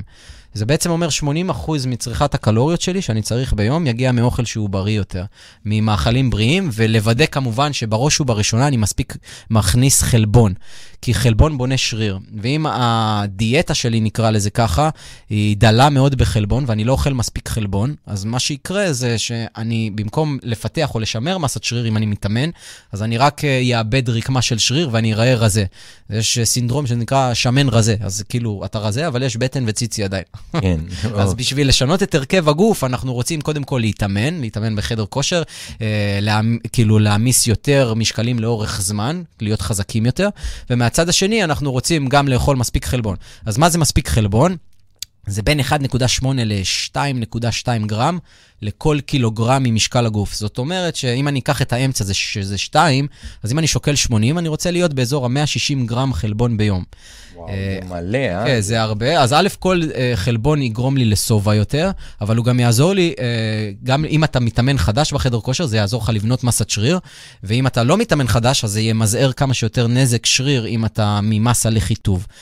אנשים שהם במשקל עודף, שזה 90, 100 ומעלה, אנחנו לא רוצים 1.8. אז מספיק שגם אה, תאכל באזור 1.5 גרם חלבון לכל קילו, זה אמור להספיק לך.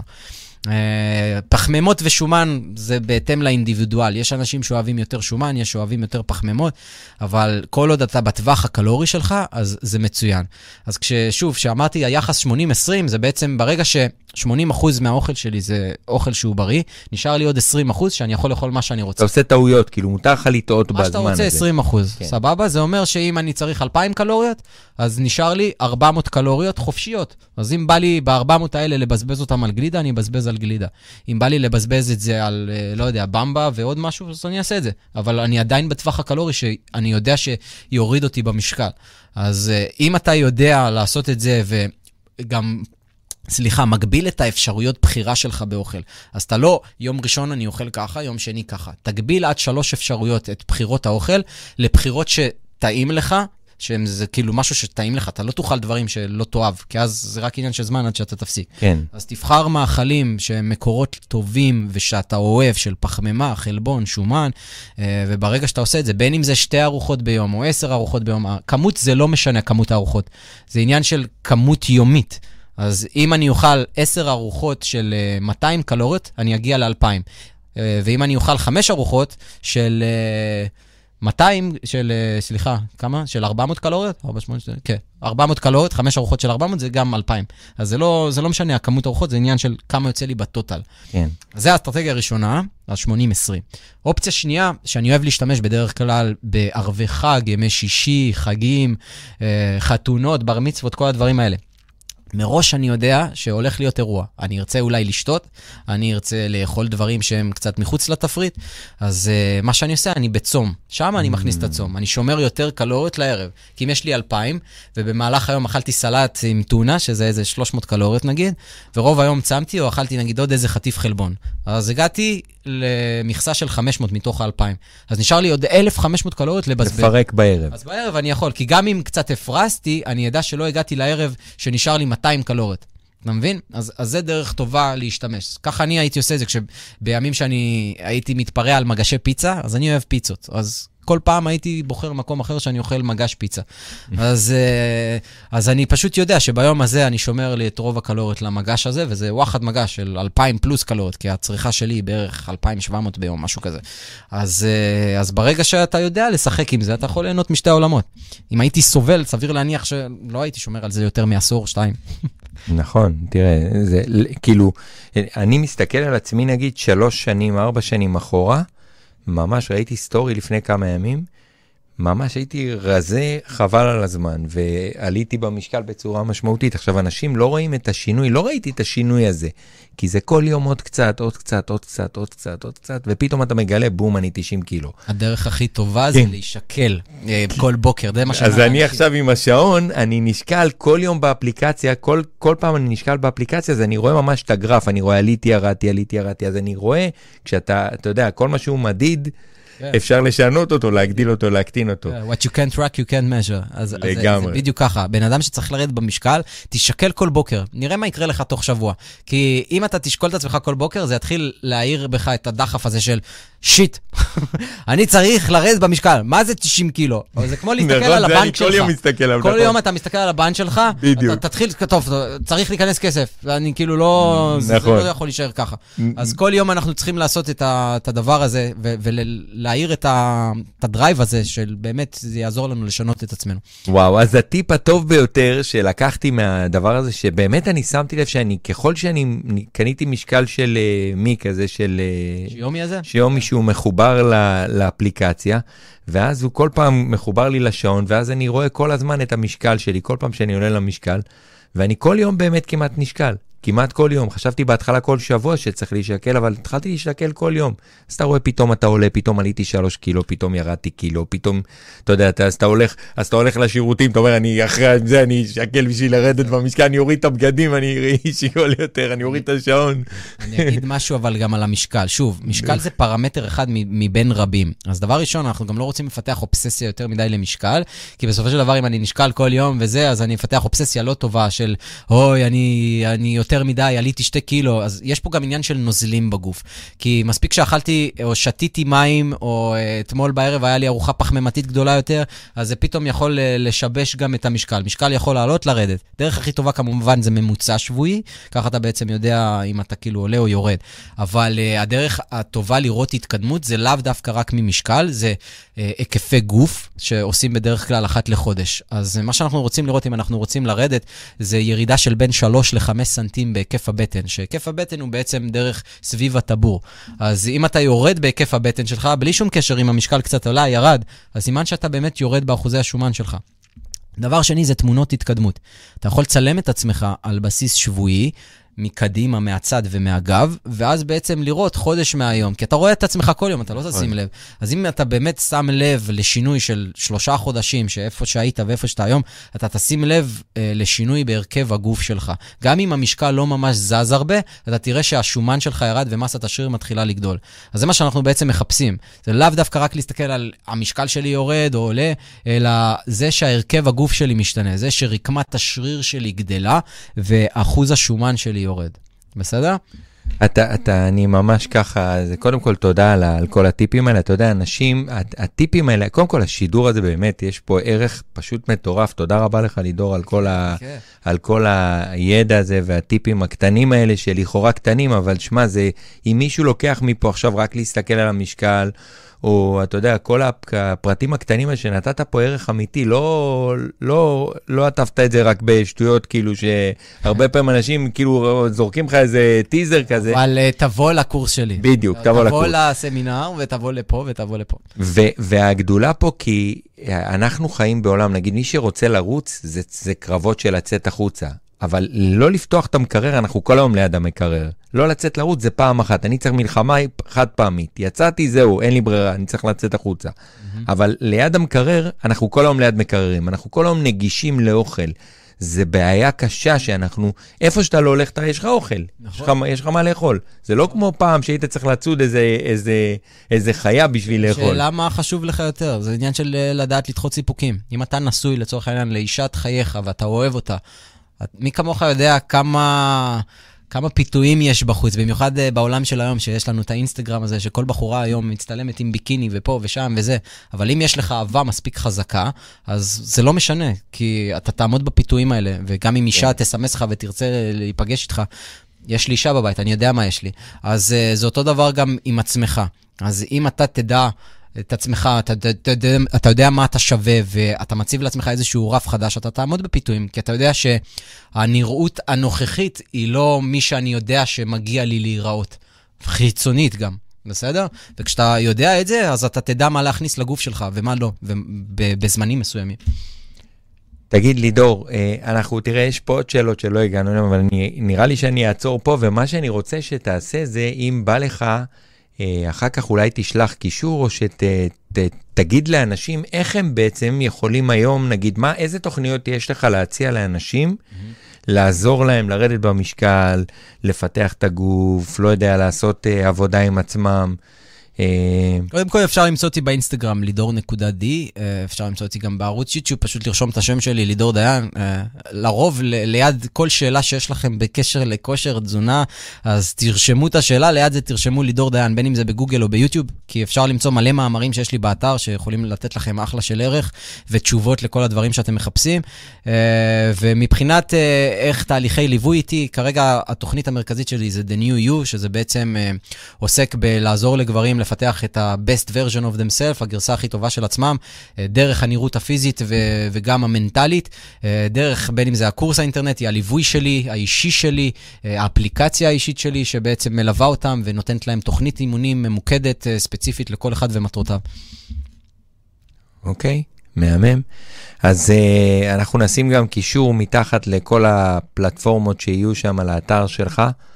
Uh, ואני רוצה להגיד לך ככה, עידור, לידור, אנחנו פה כבר, אה, לא יודע, שעתיים. וואו, באמת? אז, אה, אז אני, תשמע, אני אומר לך, אני, אני יכול, יש לי פה, אתה יודע, אנחנו יכולים לשבת פה עוד חצי יום, באמת, כאילו, ואני... איזה עוד שאלות היו לך? יש עוד הרבה, מה זה, אתה יודע... יש משהו מביניהם שהוא אה, חשובה, נגיד, לצופים? תראה, למשל, אני כבן אדם, נגיד, מה עושים שהגוף מתנגד להמשיך ועוצר אותך פיזית? אני, נגיד, היו לי רגעים, שפתאום נעצרתי פיזית, למשל כמו, סתם לדוגמה, היה לי כמו מחלת הנשיקה, נעצרתי פיזית, אני לא יודע, פתאום לא היה לי מוטיבציה, לא היה לי כוח, הייתי פיזית או מנטלית? זה גם פיזי וגם מנטלי, היום המנטלי נראה לי הוא גם מחובר לפיזי כבר, זה כאילו... אה, בסוף זה תמיד מנטלי, זה מה שעוצר אותך. פיזית, הגוף, אתה יכול לקחת אותו לאן שאתה רוצה, הוא ייפצע, אבל... בפיזי, אתה... אבל גם יש תקיעות. כן. אז בדרך כלל כשאנחנו נתקעים, מה שאנחנו רוצים אה, לעשות קצת שינויים, זה קודם כל אולי ב, בתזונה שלנו. כי יש שלב מסוים שהגוף מסתגל לסך הקלורי החדש שאתה בעצם מכניס לו. החילוף חומרים שלך מן הסתם יורד עם הזמן ככל שאתה בדיאטה ואוכל פחות. אז אה, אה, שתי דברים עיקריים שבדרך כלל משתנים, זה או אני מוסיף הוצאה אנרגטית, שבדרך כלל זו הוספה של עוד איזה חצי שעה של אירובי אה, שאפשר להוסיף כדי לשרוף קצת יותר קלוריות במהלך השבוע, או שאנחנו מקצצים רק 100 קלוריות. אז אם לצורך העניין הייתי אוכל עד עכשיו 1,500, אז אני אוריד רק 100 קלוריות, שזה בערך אולי שתי פרוסות לחם שאני מוריד. אבל אם אתה מחשב את זה ביחס שבועי, אז זה 700 קלוריות שהורדת. אז זה בעצם אה, מה שעוזר בדרך כלל באחוזים הנמוכים יותר, שאנחנו מגיעים ל-12, 10 אחוז, אם אתה ממש מנסה להתחתב.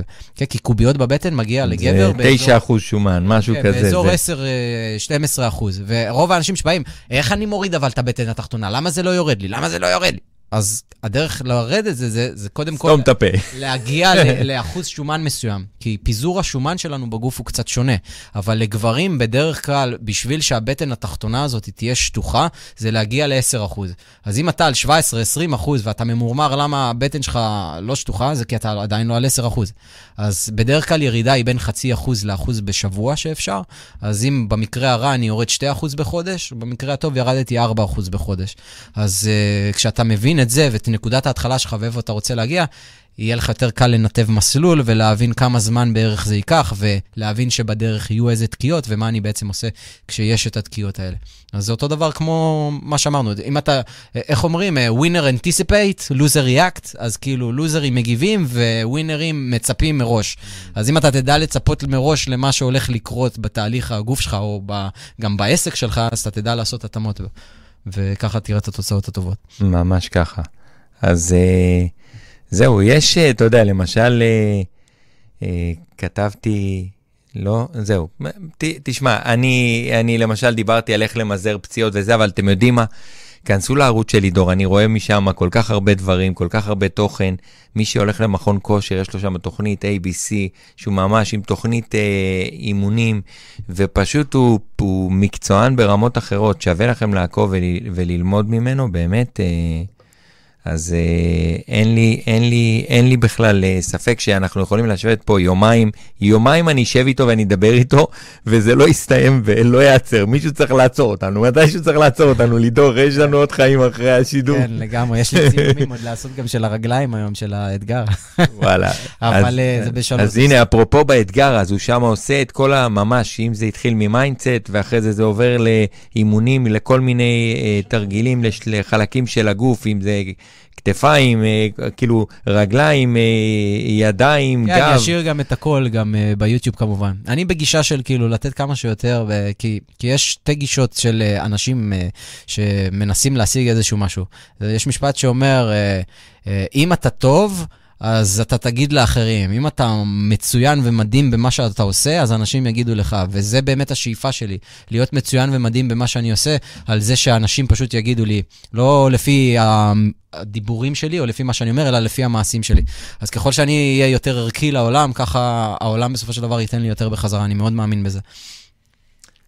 יפה מאוד, אז תודה רבה לך, אה, לידור. אני ככה מסכם ב... נשים את שנינו ככה. תודה רבה לך על, ה, על התוכן היום, על הערך, על השיחה. תודה לך על ההזדמנות. למדתי המון מהשיחה הזאת, ואני בטוח שאני גם איישם כמה מהדברים, ואני אשמע את הפרק הזה עוד כמה פעמים בהליכות, אני אשמע את זה עוד פעמיים ושלוש פעמים כדי להפנים כמה דברים שאמרת פה, כי היו כמה דברים, בייחוד במה שדיברת על הקטע של תזונה, שיש לי עוד uh, הרבה מה לעבור פה, אבל זה חלק מהמשחק גם, זה גם עניין של מצב רגשי, אני בתקופות רגשיות קצת יותר מאתגרות, אז זה לכולנו משפיע. יש את זה, זה בסדר, בשביל זה אנחנו פה, אחד בשביל השני, להעצים אחד את השני, להרים אחד את השני. לגמרי. אה, לא, לא לחשוב שאנחנו לבד פה בעולם, כי גם אני יודע מה זה תקופות קצת פחות טובות, וידעתי, והיו אנשים ש, שהיו שם בשבילי והרימו אותי, ואני לא שוכח את זה. וכבני אדם אנחנו צריכים באמת להיות אחד בשביל השני. אה, במיוחד כי, כי אנחנו כאן במדינת ישראל, כל, כל ישראל אחים, מה שנקרא. אז, אה, אז באמת, מה שאני יכול לעזור, בכיף, בשמחה. יופי, אז תודה רבה לך, לידור. תודה רבה שהאזנתם לתוכנית השיווק והאסטרטגיה של ישראל. לסלול את הדרך ללקוח הבא. היום דיברנו על איך לנצח את השדים הקטנים שעוצרים אותנו במוח. ואני שם פה את הסגיר של התוכנית, שיהיה לנו המשך יום מהנה, ואנחנו סיימנו